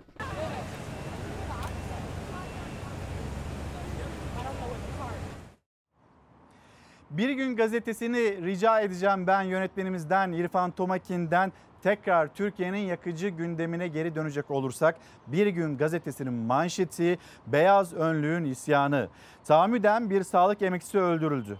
Tek fail tetiği çeken değil, asıl suçlu şiddeti cesaretlendiren, doktorları aşağılayan, meslek örgütlerini hedef gösterenlerdir diyor Bir Gün gazetesi. Bugün avukatlarımız, avukatlarımızın savunma makamının öldürülüyoruz isyanı. Sonra doktorlarımız onların yaşadıkları ve başlığımız sözün bittiği yer. Misafirimiz kendisi bir yandan ekonomist bir siyasetçi ama aynı zamanda genç bir hekimin de babasıydı. Bir baba olarak yaşadığı kaygıyı evladı ile ilgili yaşadığı kaygıyı anlattı Çalar Saat'te. Bu arada elbette pek çok, pek çok yerden siyasetten kınama mesajları geldi gelmeye devam ediyor. Yine üniversitelerden, tıp fakültelerinden geldi. Yalnız basit, sade bir kınama mesajıyla geçiştirilemeyecek kadar önemli bir mevzu olduğunu söylüyor Ankara Üniversitesi Tıp Fakültesindeki öğretim üyeleri. Ve onlar diyor ki 150'den fazla öğretim üyesi onların e, paylaşımları tekrar bizler de ekranlarınıza yansıtalım. Hiçbir cana kıyılmaz yaşatmak için uğraşanların işlerini yaparken öldürülmesi ise o toplumun felaketidir. Saldırıya uğramadığımız gün yok. Daha geçen hafta linçten güçlükle kurtulan meslektaşlarımız bir meslektaşımız diplomasını yırttı, mesleği bıraktı. Daha önceki gün meslektaşımız 1 Ekim, 1 Ocağı önceden planlanmış bir saldırıya uğradı. Birisi hekim olmak üzere iki sağlık çalışanı katledildi vahşice diyor yine Ankara Üniversitesi'deki öğretim üyeleri ve sağlığı yönetenlere sesleniyorlar. Bu şiddet dilini, bizi hedef gösteren dili lütfen artık geride bırakalım ve artık sağlığı bir tüketim nesnesi olarak görmekten vazgeçin. Performans denilen hürmetsizliğe son verin. Baş sağlığı mesajlarından ibaret icraatlarınıza ara verip bizlere lütfen kulak verin mesajını paylaşıyorlar. Ve 150'den fazla öğretim üyesi böyle isimlerini falan da gizlemeden onurlu bir şekilde bir duruş da sergileyerek bir metnin altına imza atıyor oradaki hekimlerimiz ve yine sağlık çalışanları. Devam edecek olursak turizm başlığına da dönelim. Hani motorin gelen indirim ve gelen zam onu haberleştirirken bugün yollara çıkacak olan ve yine sabah saatlerinde yollara düşen pek çok kişi var. Lütfen dikkat edin. Lütfen sağlıklı bir şekilde yerlerinize ulaşın. Hız yapmayın bir kere. Bir turizm haberi diyeceğiz. Turizm Türkiye'nin ekonomisi için, hazinesi, bütçesi için çok önemli. Kuşadası'na gideceğiz.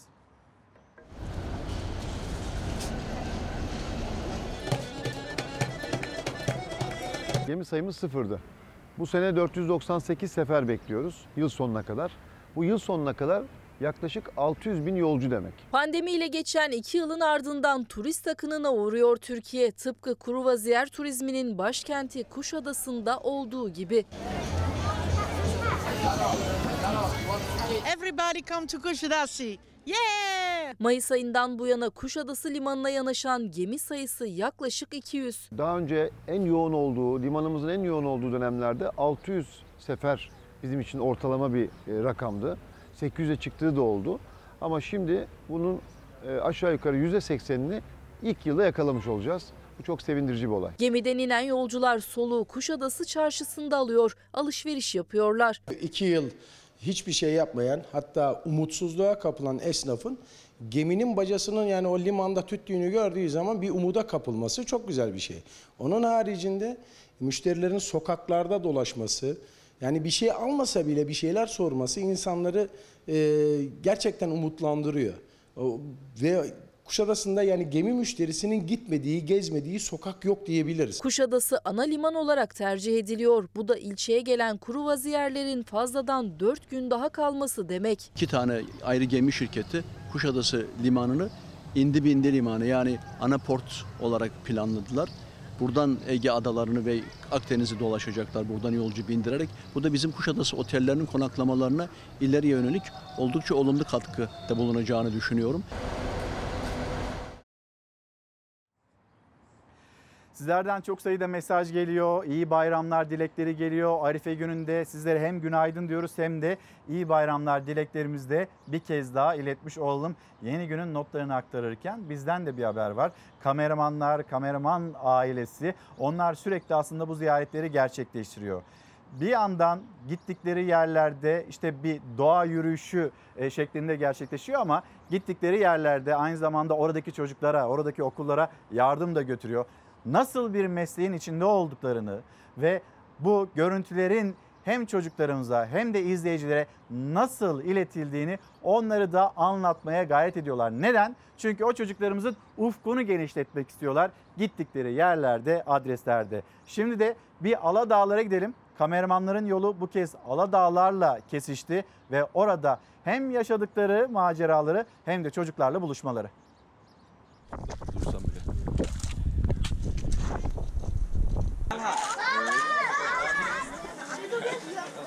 Yazılım mühendisi, yapay zekada uğraşmak istiyorum. Aladağların en yüksek noktası Kızılkaya zirvesine tırmanışın hemen öncesi. Niğde Çamardı ilçesine bağlı Çukurbağ ve Burç köylerindeki köy okullarında bulunan çocukların hayalleri ve mutluluğu. Ben hemşire. Başkentli gazetecilerin oluşturduğu Medya Trek grubu 3776 metrelik Kızılkaya zirvesine çıkmadan hemen önce köy okullarını ziyaret etti. Balıkesir Belediyesi'nin bayram hediyelerini çocuklara ulaştırdı. 12 yaşındaki engelli Recep Karaca da gazeteci abileri vasıtasıyla yetkililere seslendi. Sen burada ne istiyordun? Rampa rampa. Rampa. Zor çıkıyorsun değil mi? Evet. Okul ziyaretinin ardından gazeteciler yaklaşık 9 saatlik zorlu tırmanış sonunda zirveye ulaştı. 3776 metrelik zirvesiyle Aladağların en yüksek noktası Kızılkaya zirvesindeyiz.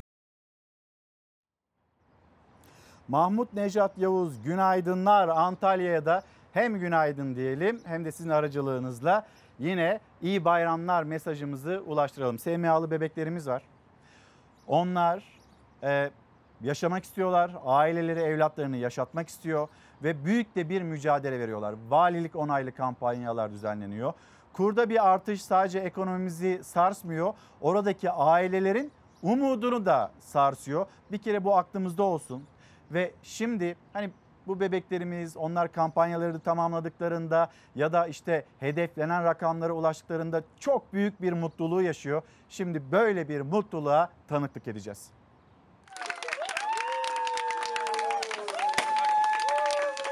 Milyon 948 bin doları tamamlamış bulunuyoruz. Gerçekten çok mutluyuz. SMA değil İdil Ayşe kazandı. SMA hastası İdil Ayşe'nin kampanyasında sona gelindi. Tedavisi için gerekli 1 milyon 948 bin dolar toplandı. Ailesi sevinçli ancak hala kampanyası tamamlanmayan çocuklar için çağrıları aynı. Ama biliyoruz ki daha geride bekleyen 110 bebek var. Evet İdil Ayşe yoğurt oldunuz. Lütfen 1 liranız bile olsa bu 110 bebeğin de ilacına kavuşması için desteklerinizi esirgemeyin. Lüleburgaz'da öğretmen Zeynep Adakan'la esnaf İbrahim Adakan'ın kızları İdil Ayşe'ye bir yıl önce SMA tip 1 hastalığı teşhisi konuldu. İdil Ayşe'nin tedavisi ve ilaç giderlerinin karşılanması için bağış kampanyası başlatıldı. Mart ayında başlatılan kampanyada toplanması gereken para 1 milyon 948 bin dolardı. Kampanyada sona gelindiğinde ailesinin sevinci kent meydanına taştı. İdil Ayşe'ne duyarsız kalmayan herkese teşekkür ediyorum. İyi ki varsınız. Yolumuzu kısalttınız. Bu yolda beraber yürüdük, birlikte başardık. Aile kızları gerekli tedaviyi alacağı için mutlu. Kampanyalarına destek olan milyonlarca kişidense bir istekleri daha var. Ama biliyoruz ki daha geride bekleyen 110 bebek var. Evet İdil Ayşe yoğurt oldunuz. Lütfen 1 liranız bile olsa bu 110 bebeğin de ilacına kavuşması için desteklerinizi esirgemeyin. Geride bekleyen 110 bebeğimiz var. Lütfen unutulmasın ve bizi yönetenler lütfen bu gerçeği unutmayın ve bu çocuklarımıza, ailelere lütfen desteği verin. Şimdi Çok sevilen Thor serisinin son filmi ve o serinin ismi, son serinin ismi Aşk ve Gök Gürültüsü diyerek reklamlar.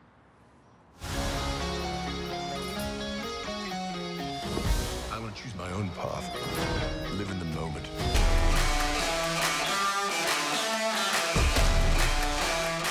Thor 3 gerçekten beni çok eğlendirmişti. Bu filmde beni eğlendireceğini düşünüyorum. Thor serisinin son filminde gök gürültüsü tanrısı bugüne kadarki maceralardan çok daha farklı bir yolculuğa çıkıyor. Bu kez iç huzur yolculuğunda Thor ancak bir anda kozmik bir mücadelenin içinde buluyor kendini. Thor aşk ve gök gürültüsü büyük beğeni topladığı ön gösterimin ardından beyaz perdedeki yerini aldı. Bütün serilerde olduğu gibi harika olacağını düşünüyorum. Çok heyecanla bekliyorum. Thor serisinin merakla beklenen yeni filminde gök gürültüsü tanrısı aslında emekliliğe hazırlanıyor ama bu hayali tanrıların yok edilmesini isteyen galaktik bir katil tarafından kesintiye uğruyor. Karşılaştığı bu tehditle mücadele etmek için eski kız arkadaşının da yardımına başvuran Thor için macera başlıyor. Thor'u severim, iyi adamdır. Filmin isminde aşk geçiyor. O yüzden tabii ki beni biraz ağlatmasını ve duygulandırmasını bekliyorum.